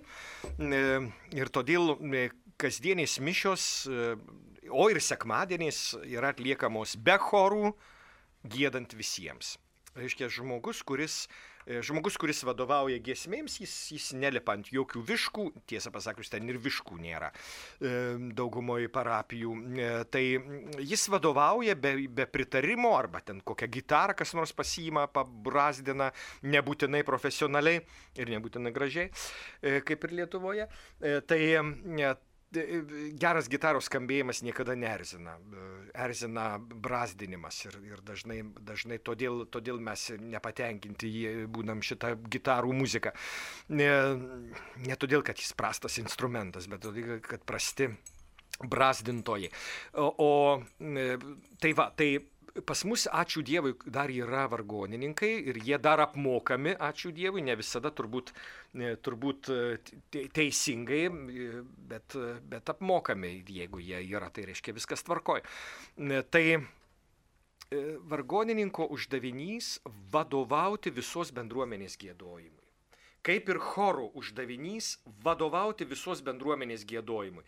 Geras vargonininkas yra tas, kuris nuteikia jungtis į gėdojimą. Geras choras yra tas, kuris mane įtraukia į gėdojimą. Ir viskas. Ir čia maždaug tokia tik tai tiek. Aišku, choras gali atlikti polifoninį, tai yra daugia balsį kūrinį, kuris papuošia šventę. Bet jis, tas e, polifoninis kūrinys gali skambėti, pavyzdžiui, atnašavimo metu. E, Polifoninis kūrinys gali skambėti e, arba vargonininko solos per komuniją, bet visų kitų metų šventas įžanginė giesmė. Reiškia, įžanginė giesmė turi savo tikslą - sutelkti dalyvius. Reiškia, gėdodamas kartu, įsiklausydamas į šalia esantį žmogų, aš susitelkiu natūraliai. Reiškia, tai ir ne, ne tik Dievą pagarbinti, bet ir sutelkti visus. Reiškia, jeigu įžangos gėdojimas nesutelkia manęs, jis netliko savo pareigų. Jisai nes, nesutelkė manęs. E, Arba, arba, pavyzdžiui, šventas. Privalo gėduoti visi ir kunigas irgi. Reiškia, kunigai kartais e, girdžiu šventas, šventas, šventas, nors choras tenai, žinai, gražiai savo atlikinėja kažkokią polifoniją. Ne, kunigas turi gėdoti kartu. Reiškia, čia gėda kunigas su visa liaudimi. E, reiškia, jeigu visa liaudis ne, negėda, tas, tas momentas yra išnykęs iš mūsų liturgijos. Lygiai Dievo vinėlį palydimas, lygiai aleliuja. Štai visi šitie dalykai nėra solo ar nėra chorui skirti, jie skirti visiems. Taigi vargonininko uždavinys yra būtent, būtent šis. Mm, Ir, ir telkti visus gėdojimui. Ir žinau vargonininkų, kurie taip ir elgesi. Ir žinau vargonininkų, kurie taip būtent nesielgia. Taip, tai svarbiausia sutelkti žmonės bendruomeniniai maldai. E, dabar mums paskambino. Janina iš Vilniaus. Taip, Janina, klauskite Garbėsiu Kristui. per amžius. E, Norėčiau kuni, užduoti e, klausimą kunigui Bužauskui. Praeitoje laidoje sakėte, kad šventas raštas nekeičiamas, neperrašomas kažkaip taip. Turiu jau 60 metų ir žinau, kaip buvo anksčiau, kad ši, visada buvo sakoma, pavyzdžiui, Evangelija pagal šventą matą ir taip toliau. Tas žodis šventas, o dabar jo nebėra. Lenkų kalboje tai da, sakoma dar. Nu, kodėl šitas išeliminuotas žodis šventas, ar net dėl to, kad bažnyčia protestantėja? Pas... Net ir negalim pasakyti, kodėl nėra, e, turėtų būti Evangelijų. Pasiklausykite Šventojios Evangelijos pagal matą. Ne? Pagal šventą matą, turbūt. Pagal šventą. Pone Janina turi minti. E, čia reiškia, lekcijų sankti Evangelijai sekundum Joannim. E, štai šitaip skamba lotyniškas E, Evangelijos skaitymas, e, Evangelijos pagal Joną skaitymas, vertimas e, toks. Matote, knygos visgi oficialiai, čia yra knygos pavadinimas. Lygiai sako, ap, iš apaštalų darbų, nu tai turėtume sakyti, iš šventųjų apaštalų darbų. Nu ne, Reiškia, mes sakom, kad tai yra apaštalų darbai. Lygiai taip pat oficialus knygos pavadinimas yra Evangelija pagal Matą, Evangelija pagal Morkų, Evangelija pagal Luką ir Evangelija pagal Joną. Dabar jau mes, kai, kai bandom jau čia pasakyti, šventasis Jonas sako, na, nu, žinai, mes nežinom, kuris tas šventasis Jonas. Tai, tai tada patikslim, šventasis apaštalas Jonas, mes sakom, žinai, jau kai, kai bet pavyzdžiui, apreiškimas Jonui yra dar tokia knyga, nu, apreiškimas šventajam apaštalui Jonui mes galėtume sakyti, bet oficialus knygos pavadinimas yra kitas. Ir va čia turime turbūt mintie, aš taip turėčiau, e, turėčiau tą nuojautą, kad tai yra paskelbiama iš kokios knygos skaitoma. Reiškia, mes dalytų pasiklausykite šventosios Evangelijos pagal e, matą. E, reiškia, yra įdomu, kad tai yra, tai ką e, ponė Janina pastebėjo, kad sako, čia turbūt protestantėjame. Tai žinote, Lietuvoje ir lietuviškai, tai mes sakome būtent taip, kaip protestantai sako. Pasiklausykite Šventojios Evangelijos pagal Joną. Lotiniško teksto tokio nėra. Pasiklausykite, tokio žodžio nėra. Protestantiškose liturgijose žodis pasiklausykite yra. Ir pasiklausykite apaštalų darbų, pavyzdžiui, jie sako taip pat. Iškia, tai e, jeigu jau, jau jeigu norėtume kabinėtis ar protestantėjam, tai būtent čia ir yra, kaip pasakyti, man netrukdo tas pasiklausykite. Nors norėčiau, kad kai, kai išeis trečiasis mišiolas, kad e, būtų sakoma taip, kaip sakoma lotyniškai, o ne taip, kaip lietuviai yra įpratę sakyti. Dar įdomiau, e, kad e, mes dar susikūrėm, pavyzdžiui, skaitinių pabaigą, girdėjote viešpaties žodį. Ir lotyniškai tokio nėra, arba tai Dievo žodis ir lotyniškai tokio nėra.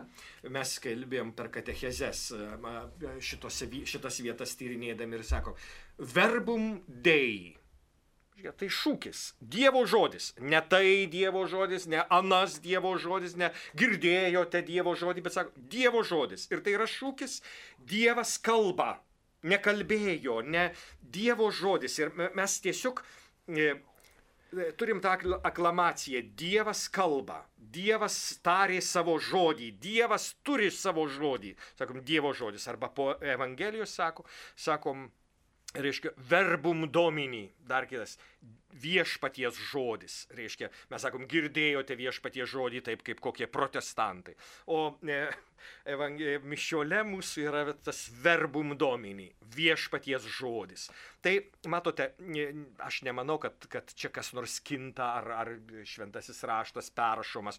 Nu, žinote, vertimas, aš mano jau cituotame vertime, e, reiškia, vertimai keičiasi ir ver, dabar mes laukiame irgi turbūt Bernardinuose skaitėte apie laukiamą Naujojo testamento vertimą, kuris, kuris tikrai skambės naujai ir, ir, ir šviežiai. Mes iki šiol turim Aliulio Kavaliausko vertimą, o dabar bus kitų vertimai. Ir, ir žinau kunigus ir, ir pasauliečius, kurie šitą vertimą iš graikų kalbos daro ir skambės kitaip. Tai štai tas mano jau minėtas, žiūrėkite, ar perrašyta Evangelija ar ne. E, štai iki dar šiandien e, Kavaliausko Aliulio e, Naujajame testamente skamba šitaip. Eik šalin šeitonę. O štai Gudauskienės ir Danielio Dikevičiaus.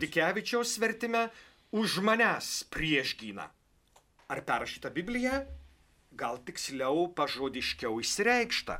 E, bet tai, ką reiškia šeitonas, pasirodo, šeitonas yra priešgyna, tas, kuris priešinasi Dievo valiai. Eu, ar, ar mums neatskleidžia net šeitono, šeitono prasmės, ką šeitonas veikia, ko jis nori. Jis siekia, kad mes nenorėtume Dievo valios. Štai pagrindinis. Priešinasi Dievo valiai pats ir siekia, kad ir mes pasipriešintume Dievo valiai. Sunki nuodėmė būtent ir yra pasipriešinti Dievo valiai. Matot, čia turbūt turėta galvoj, kai anoji laidoji klausimas buvo, reiškia, kad keičiasi tos prasmės, kad, žodžiu, tas šventas raštas kažkada buvo vienoks, paskui kitoks, tai aišku, kad vertimai tie keičiasi ir, ir, ir žodžiai, ir sakinių struktūra, ir gal kai kurios prasmės, bet e, čia yra tokie subtilūs niuansai, nu, kurie gal padeda giliau įsižiūrėti į Dievo žodį, tą tiksliau išreikšti, bet tai nereiškia, kad tai kenkia e, kažkas norėjo iškraipyti tą prasme, kažką norėjo nuo jūsų nuslėpti, kažką norėjo nepasakyti. Tiesiog, žinot, vienos, viena kalba buvo anksčiau, vienaip žmonės suprato tuos žodžius, tos prasmes, vienos kalbėjo, dabar truputį kitaip galbūt mes skaitom ir tą originalą, kas, kas galime, kas supranta tas kalbas. Ir turbūt vertėjai kiekvieną kartą grįždami prie originalo, kartą po kartos vis, vis kažkokias kitas prasmes išvelgia, bet tai nereiškia, kad na, visiškai kažkas yra nuslėpta ar kažkas yra nutilėta. Na tiesiog žmonių suvokimas toks, va, tai kas supranta originalą, tai, tai, tai skaito lai originalo kalbą, bet žinot, ne kiekvienas irgi paaiškins turbūt, net ir skaitydamas tą originalą, vienas turbūt vienas išvalgas padarys, kitas kitas žmogus išvalgas padarys priklauso nuo jo patirties, nuo, nuo įsilavinimo, nuo daugelio kitų dalykų. Tai čia buvo klausimas apie tai, kad na, kažkaip iškraipoma šventasis raštas. Tie vertimai, aišku, kad jie tam tikrą prasme yra interpretacija, bet e, e, tiek neiškreipia švento rašto prasmės, kad mes nuo mūsų kažkas būtų nuslėpta, kad mes nesuvoktume kažko ir kad tai grėstų mūsų išganimui. Tikrai esminiai dalykai nesikeičia ir keičiasi ten labai subtilios detalės, e, kurių kartais mes net ir nepastebim, jeigu taip vat, girdim, klausom, per daug nesidomim. Čia, kai labai įsigilinam, tai yra tokie subtilūs niuansai, kurie na, atrodo, kad visiškai priešingai išversta buvo. Ne? Bet Bet esmė tai išlieka, esminiai dalykai išlieka ten e, dėl smulkių kažkokių detalių, tai tikrai nenukenčia visa esmė. Taip, klausimas, ar turėjo šį rytą kunigas visai neduoti komunijos, jei norėjau priimti į rankas, kaip man elgtis toliau. Na, bendra taisyklė yra tokia nustatyta, kad kunigas šventąją komuniją turėtų teikti į rankas žmonėms, taip nustatė viskupai e, ir tokios gairės yra išleistos. Žinoma, kad visokių atvejų gali pasitaikyti, kai, kai, kai žmogaus rankos dreba, kai panašiai turbūt ir kai, kai negali paimti ir, ir, ir visi, visokie kitokie atvejai, tai mm, e, tiesiog reikėtų gal mm, pasikalbėti su kunigu jums ir tiesiog mm, po pamaldų nueiti ir prieš pamaldas gal pasikalbėti su kunigu ir tas aplinkybės pasiaiškinti. Žodžiu, kiekvienas atvejis turbūt yra ypatingas. Ir tikrai neįsigaskit, nenusiminkite, šventoji komunija dabar tokiu būdu duodama, buvote įpratę priimti į burną, dabar komunija duodama į rankas dėl, dėl tokio atstumo išlaikymo. Taip yra nutarę viskupai ir tokios tvarkos laikomis, bet turbūt išimčių mm, tikriausiai gali būti. Matote, aš tai dar papildyčiau, kad komunija yra šiandien dalyjama dviem būdais. Dvasiniu būdu, jeigu aš negaliu priimti komunijos taip, kaip, kaip reikalaujama, tai reiškia, aš prašau viešpatį ateik. Čia tie kunigai man neduoda taip, kaip, kaip aš žinau, tu ateik. E, nepamirškim svarbios taisyklės, kurią katalikų bažnyčia buvo užmiršusi. Malonė teikiama ne tik per sakramentus. Dievui nėra e, e, e, neįmanoma tau malonę suteikti, kai nėra sakramentų. Ir čia, ir čia vienas svarbių, svarbiųjų mums priminimų buvo tai, ką kadaise katalikų bažnyčia visai, visai laikė normaliu dalyku neduoti komunijos apskritai, manant, kad Dievas savaip savo malonę paveiks.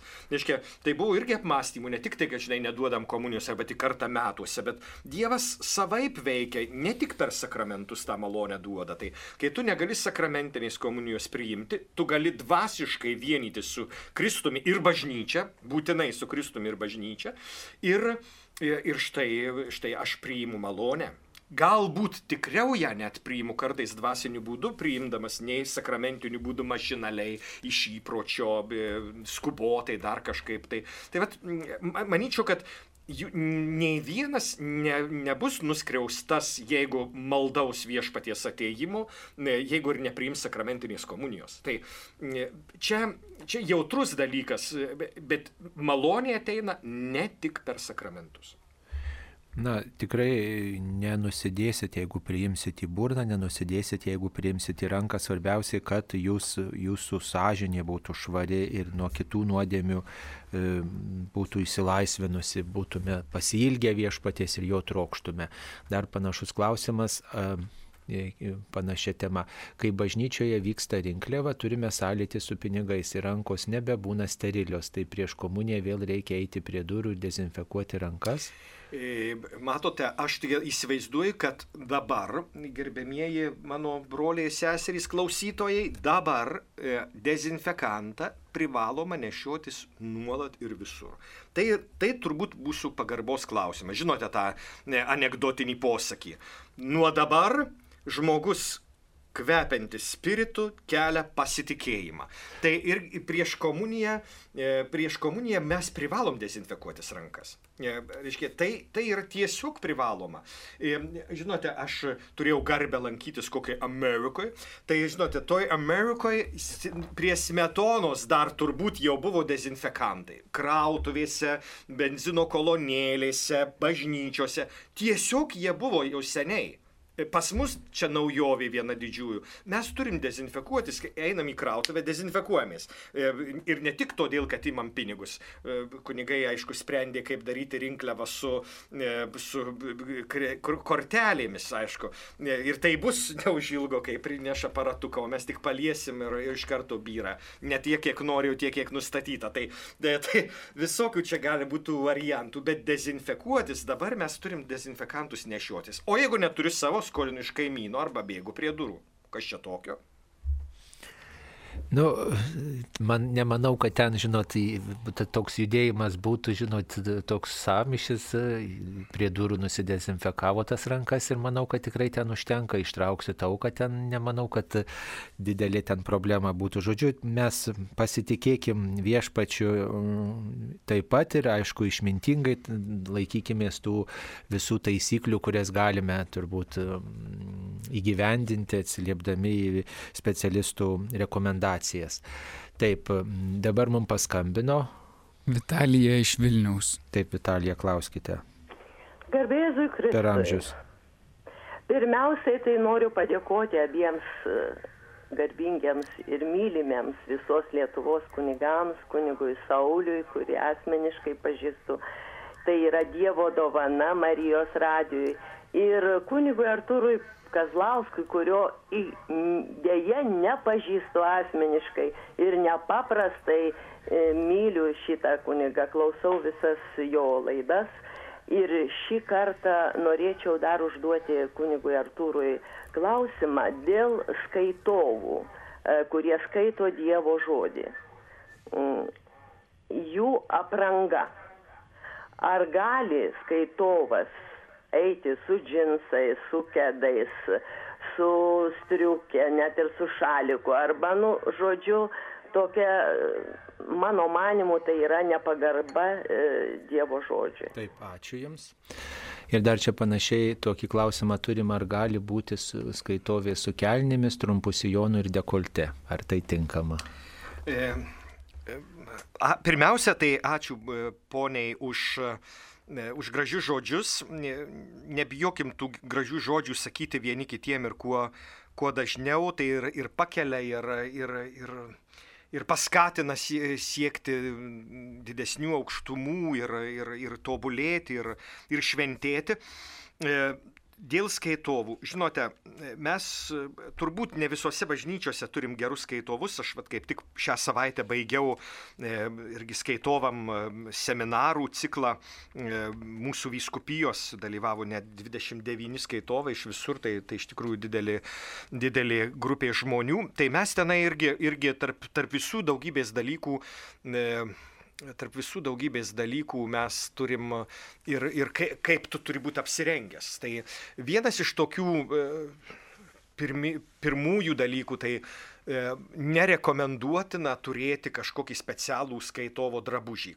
Kai, kuriuose bažnyčiose yra, mačiau Vilniaus e, Vilkaviškio katedroje tokios teisėjo togą, tarsi atrodytų e, kažkas panašaus į teisėjo togą, e, kurią turi e, skaitovai, turbūt nusižiūrėjo nuo kokios Vokietijos skaitovų ar choristų.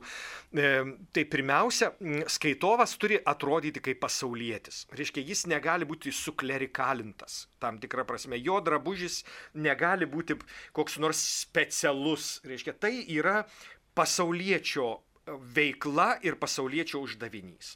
Žinote, dabar kaip jau čia rengtis, tai pirma, kai nuoga bamba matosi blogai ir jūs žinote kodėl. Todėl, kad kunigas vietoj to, kad klausytų e, šventojo rašto teksto, arba žiūri į gražią bambą, su visa pagarba bambai, e, arba nervinasi, kad žiūri. Kiti, reiškia, suprantat, yra kokia padėtis. E, tai trukdo lygiai dekoltė. E, tai trukdo e, skaito šventų raštos klausymuisi. Arba suplyšusiais džinsais atėjęs skaityti, nuteiks tūlą klausytoje neigiamai ir jis galvos apie suplysusius džinsus. Suprantate, skaitovas privalo netrukdyti klausytis. Štai pagrindinis turbūt, pagrindinis dalykas, kaip turiu atrodyti eidama. Jeigu ateisiu su iššaukiančia uniforma, ar šukuosena, ar makijažu, ar, ar drabužiais, aš negirdėsiu, kas skaitoma, o galvosiu apie žinote ką. Tai, tai va čia, čia yra pagrindinis dalykas. Ar aš patarnauju Dievo žodžiui, kad jis būtų išgirstas? Čia pagrindinis klausimas. Ir baigta. Tik tiek. Ar aš patarnauju, kad jis būtų išgirstas? Aš, aš turiu renktis kukliai, šventiškai, ne kaip kokia lauko pelė, kaip mes dažnai matom, reiškia, katalikės kai kurios yra lauko pelės. Mano viena, reiškia, draugė sako, savo makijažu, savo drabužiu aš privalau skelbti Evangeliją. Au, Paskui dar žinoma, ne, jeigu jau čia sakytumėt nekrikščioniška, tai pažiūrėkim, ką Jėzus nešiojo. Skudurus? Pasirodo, ne. Prabangų drabužį dėl kurio net mestas burtas buvo, neplėšykim į skudurus, kaip kareiviai paprastai darydavo, bet sako, meskim burtą, kam teks geras daiktas. Reiškia, mano vienas jėzuitas vienuolis, aišku, Olandas, iš, ne, ne iš kokios nors šventos Lietuvos, bet iš bedieviškos Olandijos, jis sako, žinai, aš visada perku tik gerą drabužį, kad nereikėtų jo dažnai keisti. O, štai, pavyzdžiui. Tai irgi mes, mes kartais atrodo, žinai, prastai rengdamiesi esam labiau panašus į Kristų. Nu, nebūtinai. E, jeigu norim skelbti Evangeliją ir norėti, kad paskui mus eitų, na žinot, ir vyrai, ir moterys turi pasistengti. Reikia ir apsikirpti, ir nagus nusikarpyti, nenusikramtyti, ir, ir, ir vilkėti švariais liturginiais drabužiais. Žinote, aš sovietiniai kariuomeniai tarnavau ir, ir prisiminsiu visam gyvenimui mano E, Baltarusį e, draugą, mes su juo tarnavom vienoje vietoje, tam pačiam kabinete sėdėjom, tai, e, tai jis per savo atostogas padarė man e, surprizą. Aš žinote, tuo metu turėjau vienuoliškus įžadus, tarnaudavo sovietų kariuomenė ir, ir man buvo svarbu krikščionybė, mes ten laikas nuo laiko pasikalbėdavom, o jis man nieko nieko nebuvo pasakęs apie savo situaciją. Ir jis per, per, per savo atostogas priėmė krikštą ortodoksų bažnyčioje ir sako, o tu žinai, o aš dabar esu kaip ir tu, krikščionis. Na ir mes ten paskui išsikalbėjom ir sako, vienintelis dalykas, kas man kėlė tokį nemalonumą, tai nešvarūs kunigo baltiniai. Au. Visam gyvenimu jam įstrigo iš krikšto nešvarūs kunigo baltiniai. Tai, žinote, skaitovai ar dalintojai komunijų ar mišių celebruotojai, kai kam tai netrukdo, o kai kam tai paveikia, kad jisai prisimins visą gyvenimą savo krikšto valandą ir nešvarius kunigo drabužius. Tai čia visiems reikėtų mums atkreipti dėmesį į tvarką ir kad nekristų į akis, žodžiu, kad kreiptų dėmesį į tekstą, į žinę, bet ne į išvaizdą. Taip dar apie žegnojimastis, kai klausytojai mūsų mm, nerimsta, ar priimant komuniją reikia žegnotis. Tai įsakyta nėra, trumpai pasakytume, bet jeigu turbūt išreiškite jūsų pamaldumą, prieimus komuniją galite persižegnoti pagarbiai. Liturgijos metu šiaip apskritai aš tai sakyčiau, kad yra trys persižegnojimai. Pradžioje kai visi kartu žegnojamės. Žinote, ne visos liturgijos turi kryžiaus ženklą pradžioje čia. Skambino vienas diakonas ir sako, klausyk, o kurioje vietoje persižegnoti, čia nenurodyta. Ne, sakau, vad būtent, šitoj liturgijoje nesižegnojama pradžioj. A, matai, gerai, kad pasiklausiau. Reiškia, yra liturgijų, kurių metu nėra kryžiaus ženklo. Taip, bet paprastai mišiuose pradžioje persižegnojame, palaiminimo metu persižegnojame ir viena Euharistijos malda, pirmoji Euharistijos malda, kurios metu mes taptume pilni dangaus palaimos ir malonės, yra tokie žodžiai ir tuo metu persižegnojame. Vėl visi kartu kartu su kunigu.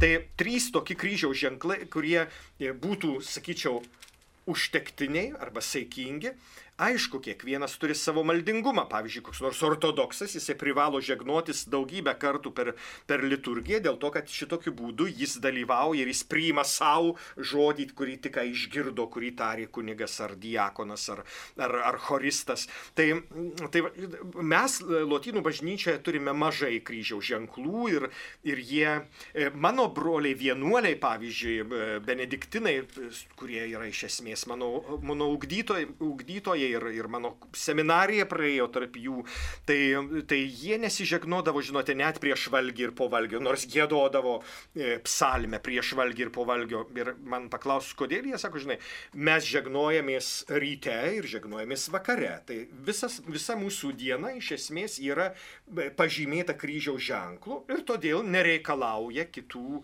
kryžiaus ženklų. Tai Tai jų bent dvasingume štai tas yra, kai aš pradedu ir užbaigiu dieną ir, reiškia, ji visa, ta mano diena, visa veikla yra to kryžiaus ženklų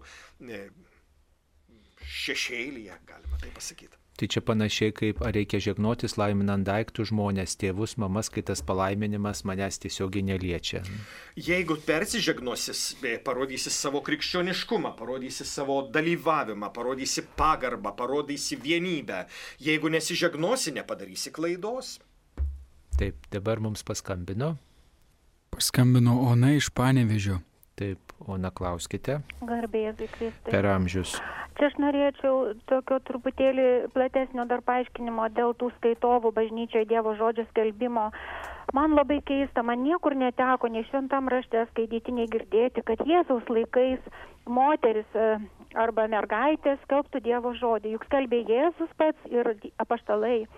Ir dabar toks keistas dalykas dar yra, ar vienuolės, jos juk tikybą dėsto, e, nesurenka tų berniukų, nes ir bažnyčia juk matosi berniukų, kuriuos pratintų prie to skaitimo ir tada galbūt ir pašaukimo būtų daugiau kunigystė.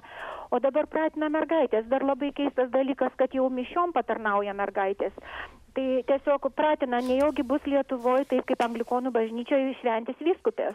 Tai vad labai keistas dalykas, man nesuvokiamas, tiesiog viešpatė, kodėl bažnyčioje tokie dalykai darosi. Ačiū Jums. Taip, labai ačiū.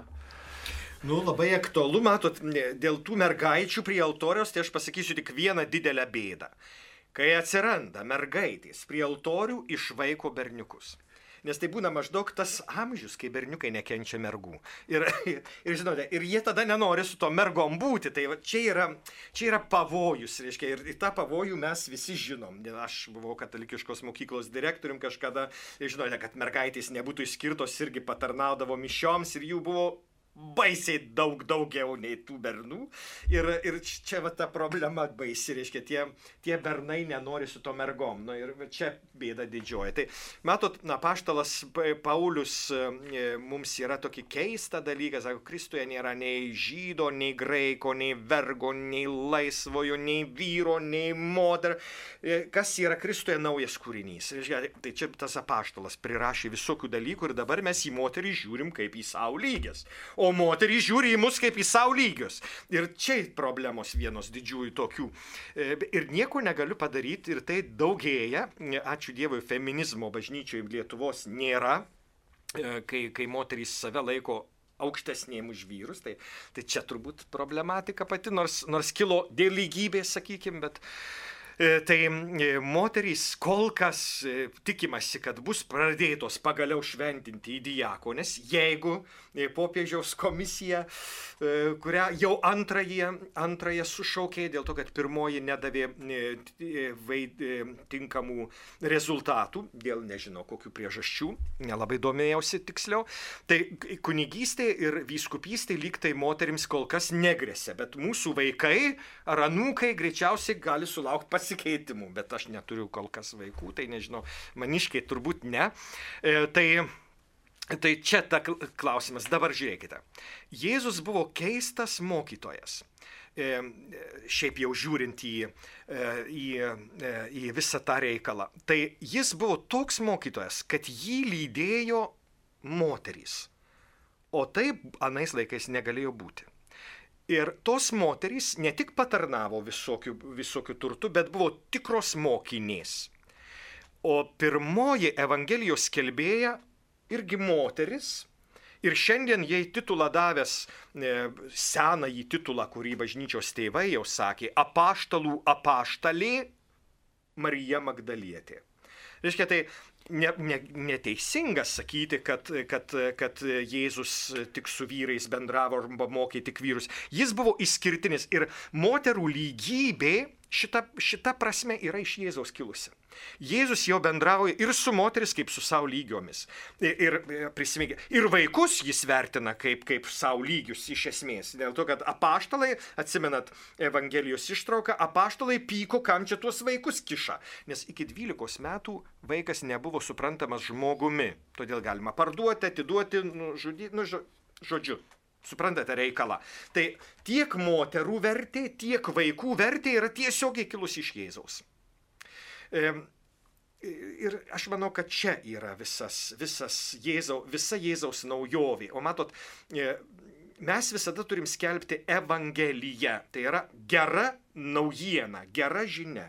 Tai štai ir jums, mielosios moterys, gera žinia. Jūs nemažesnės už vyrus kunigystė, tai čia paštalų pavyzdžių, Jėzus įsirinko paštalus, tą galę perdavė ir va, ta tradicija remiasi, kai popiežius e, Jonas Paulius II šitą klausimą labai, labai taip iškėlęs buvo ir tiesiog va, remiasi šitą Jėzaus tradiciją, kad e, būtent e, ta paštalinė sukcesija perdodama per apaštalus per vyrus bažnyčioje. O dėl skaitovių, tai žinot, jeigu skaitovė moteris gražiai pasiruošusi, tinkamai perskaito, tai daug geriau negu kad e, vyrukas, kuris neištarė tų žodžių ir, ir, ir, ir terminų ir ir tiesiog nelabai supranta to teksto. Aišku, visada galima mokyti tuos vaikinus ir visa kita, bet problema ta, kad tiesiog su vaikinukais ne visi moka turėti tą santyki, bendrystę, susidraugauti ir pakviesti patarnauti ir, ir, ir to, tą užimtumą teikti ir ne visada tas dialogas įvyksta, tai ateina tie, su kuriais ta bendrystė na, įmanoma ir, ir, ir pavyksta. Dar vienas toks pastebėjimas būtų jau čia pastoracinis, tai apskritai mažamečiai vaikai neturėtų skaityti skaitinių apskritai, net per vaikų mišes. E, dėl to, kad tai atrodo kaip gražus, mielas žaidimas, visi tėveliai mielai žiūri, kaip mano vaikas gražiai skaito, tai e, didesnis, reiškia, vai, tai ne vaikų žaidimas. Reiškia, turi skaityti suaugęs arba e, jaunas žmogus, bet ne vaikai. Vaikų mišiuose skaitinius skaityti turėtų katechetai, tėvai vaikų, e, tai atrodo kur kas rimtesnis dalykas. Reiškia, sakykime, paauglys jau galėtų pradėti skaityti, bet turi tik rimtai gerai pasirenkti ir, ir, ir tai yra, sakyčiau, būtina nuo, nuo, nuo jaunų dienų ugdyti, bet ne vaikams duoti skaityti. Vaikai gali skaityti ar išsakyti visuotinės maldos intencijas, pavyzdžiui pilnai e, tokią, tokią idėją duoti, e, už ką melžiamės. Ir, ir vienoje parapijoje aš girdėjau vaikus, kurie, e, reiškia, tas intencijas išreiškia labai trumpai, bet spontaniškai. Už mamą, už tėtį, už sergantį brolį, už šuniuką, kuris serga, reiškia, už popiežių, už kunigą. Reiškia, tokia, tokia intencija ir, ir visi meldžiasi šitom intencijom. Tai, tai sakykime, ta visuotinė malda vaikų mišiose galėtų būti ir šitokia, kodėl ne. E, bet skaitinius skaityti vis dėlto tai yra kur kas rimtesnis darbas, nei, nei kurį galima būtų patikėti mažamečiam. Ar privalu kviesti kunigą iki birželio 29 dienos, čia turima galvoje iki Petrinių, Petro Povilo iškilmės ligonė, jeigu prieimus sakramentą buvo prieš šventasias kalėdas. E, komunija e, tokia jau privaloma, tai yra apie Velykas maždaug, sakykime, toks, toks, tokia idėja. Velykų proga priimti komuniją. E, tai ta vienkartinė komunija per metus, kuri tiesiog privaloma. Bet žinote, kaip gali būti privaloma žmogui, kuris, pavyzdžiui, įsiskyręs ir vėl susituokęs bažnyčiui. Jis, jis negali atlikti kai kurių dalykų. Tai yra tokių e, priemonių, e, tokių dalykų, kai tu negali priimti iš pažinties ar komunijos. Tai reiškia, ligoniai turėtų komuniją priimti kiekvieną sekmadienį. Nes jie yra rizikos zonoje ir ne todėl, kad koronavirusas, bet jie yra rizikos zonoje, kančio zona. Nes kančia yra vienas didžiausių išbandymų. Palaimintasis Teofilius yra užrašęs labai gražų pastebėjimą, kurį mes dažnai pamirštame. Kančia kentėta be Kristaus žmogų gali padaryti gyvuliu. Reiškia, žmogus gali prasikeikti, žmogus gali prakeikti visą pasaulį ir Dievą man taip skauda, kad, kodėl tu man leidi. Reiškia, komunija yra svarbi rizikos, kančios rizikoje esantiems žmonėms, kad nepraskystų, kad, kad sugebėtų aukoti savo kančią su Kristumi ant kryžiaus.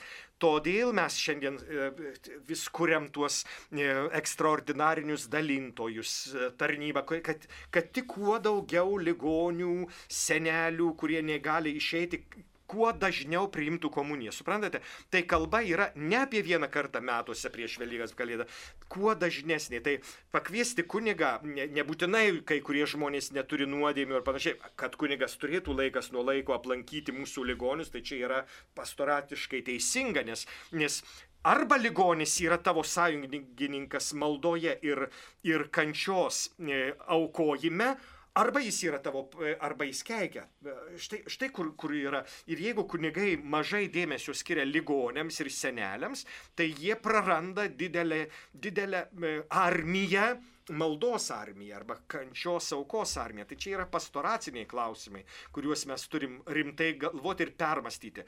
Aš manau, kad mūsų Lietuvoje viena blogiausių situacijų yra su ligonių pastoracija. E, reiškia, jie apleisti, jie palikti. Ir, o dar didesnė problema, tai turbūt 99 nuošimčiai katalikų miršta be komunijos. Kanonų teisės kodekse aiškiai yra nurodyta, kiekvienas mirštantis katalikas privalo priimti komuniją. Reiškia, kaip viatika, kaip duona kelioniai. Ir čia visai ne, ne artos dirbos Lietuvoje. Čia, čia baisus, baisi padėtis, kuri yra. Tai e, zakristijonams skaitant mišiolą, štai netgi e, tame mišiole, aiškiai, mišios viatikui, reiškia, prie mirštančio lovos celebruojamos mišios. Kiek Lietuvoje jų buvo celebruota, klausiu, Ar jūs kada girdėjote? Aš bent per 25 metus kunigystės niekada to nedariau. Žiūrėk, su, suprantate, kur yra. Čia, čia yra čia problema kur kas gilesnė nei ar reikia priimti komuniją ar nereikia, ar atliksiu įsakymą ar netliksiu įsakymą. Čia, čia yra čia yra plačiau, čia į daugybę mūsų problemų mes turim pasižiūrėti visų rimtumu. Čia yra tikroji reforma ir tikrasis bažnyčios atsivertimas. Jaunimas nenori tikėti, sako, kad čia pasaka, kad žmogus bijotų. Ką jiems sakyti? Tik melstį Dievą jaunimui tikėjimo, išminties Dievo meilės, Dievo baimės, meilės artimui. Pasakos yra labai reikšmingas dalykas ir matyt nuo pat vaikystės buvo neteisingai, neteisingai pateikta pasakos reikšmė ir todėl vaikai mūsų sužeisti ir suaugusieji netiki pasakomis. Netikėti pasakomis yra nuodinga.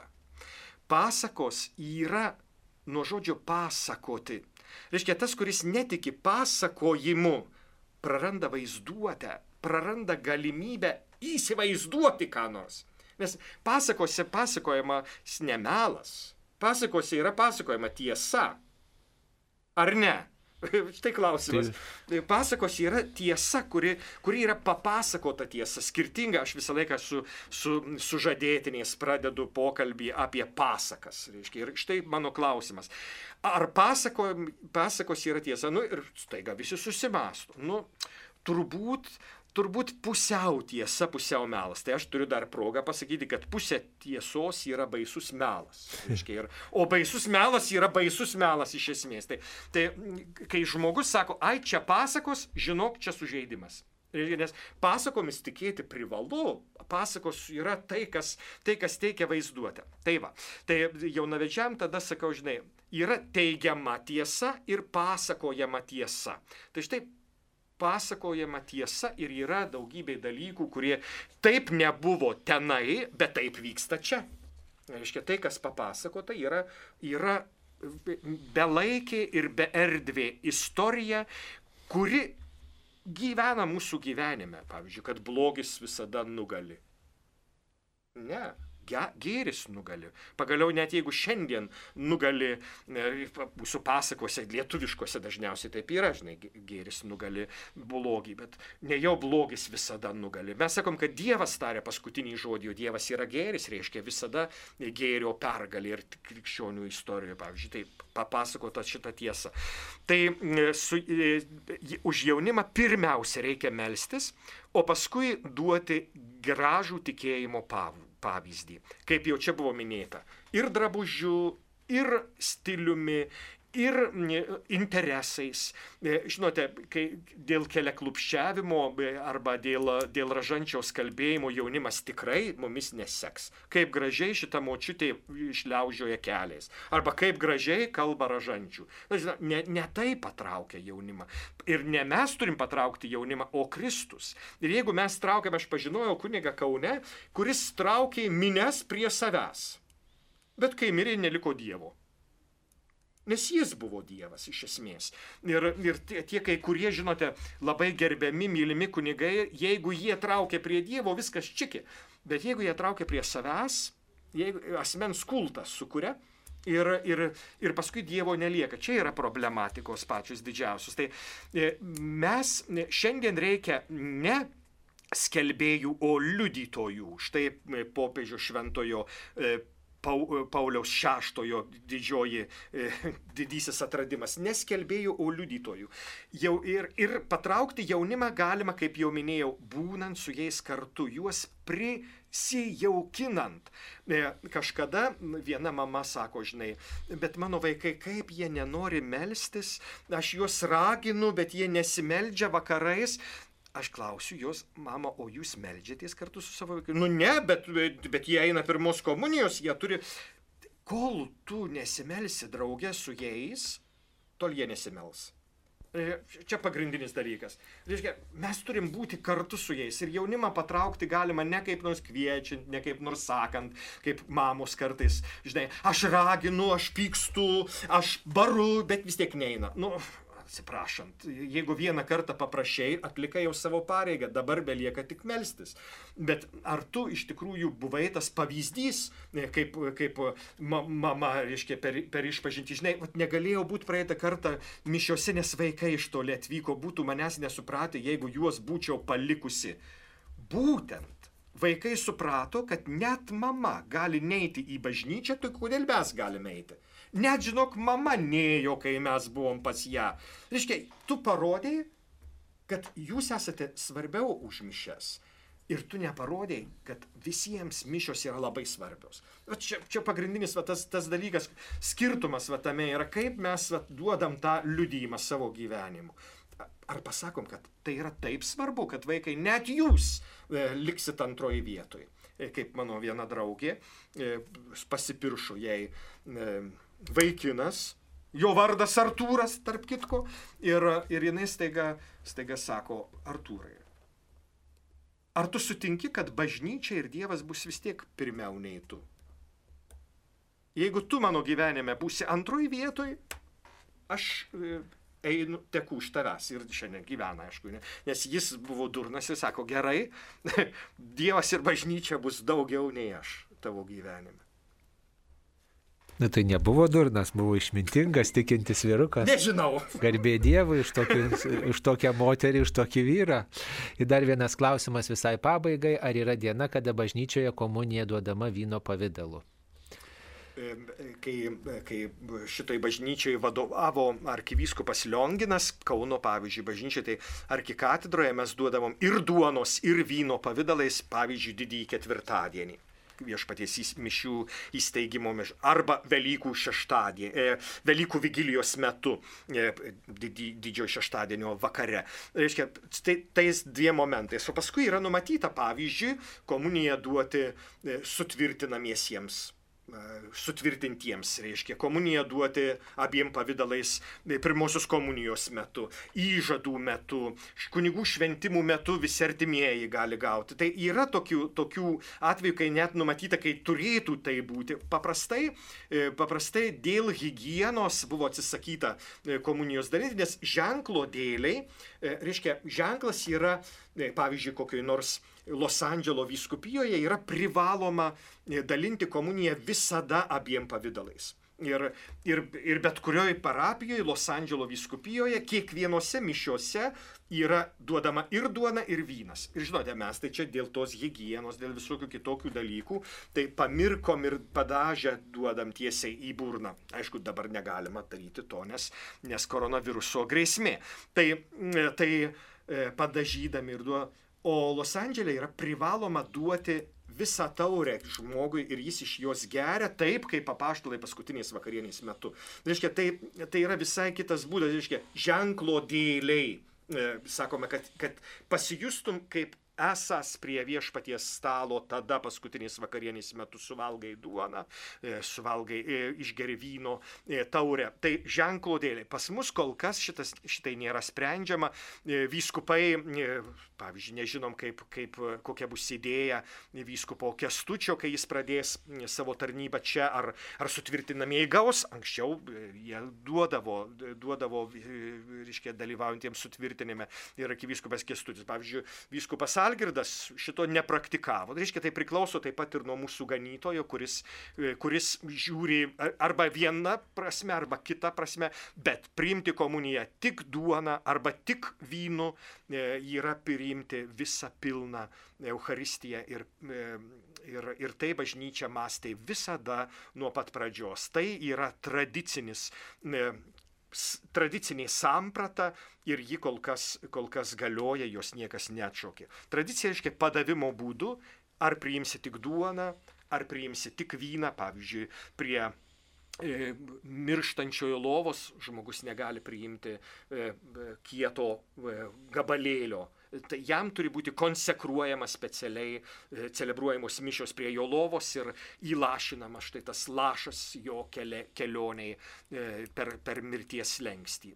Štai bažnyčios praktika yra tokia. Tai ačiū mielam kunigu Artūrui Kazlauskui, kuris šį rytą sutiko ateiti į Marijos radijos studiją ir atsakyti į daugybę jūsų klausimų, mėly Marijos radio klausytojai. Čia buvo laida Klaus drąsiai.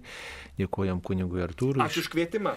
Kauno arkikatedros bazilikos, prie mikrofono taip pat buvau ir aš kuningas Saulis Bužauskas. Visiems gražios dienos sudėjau.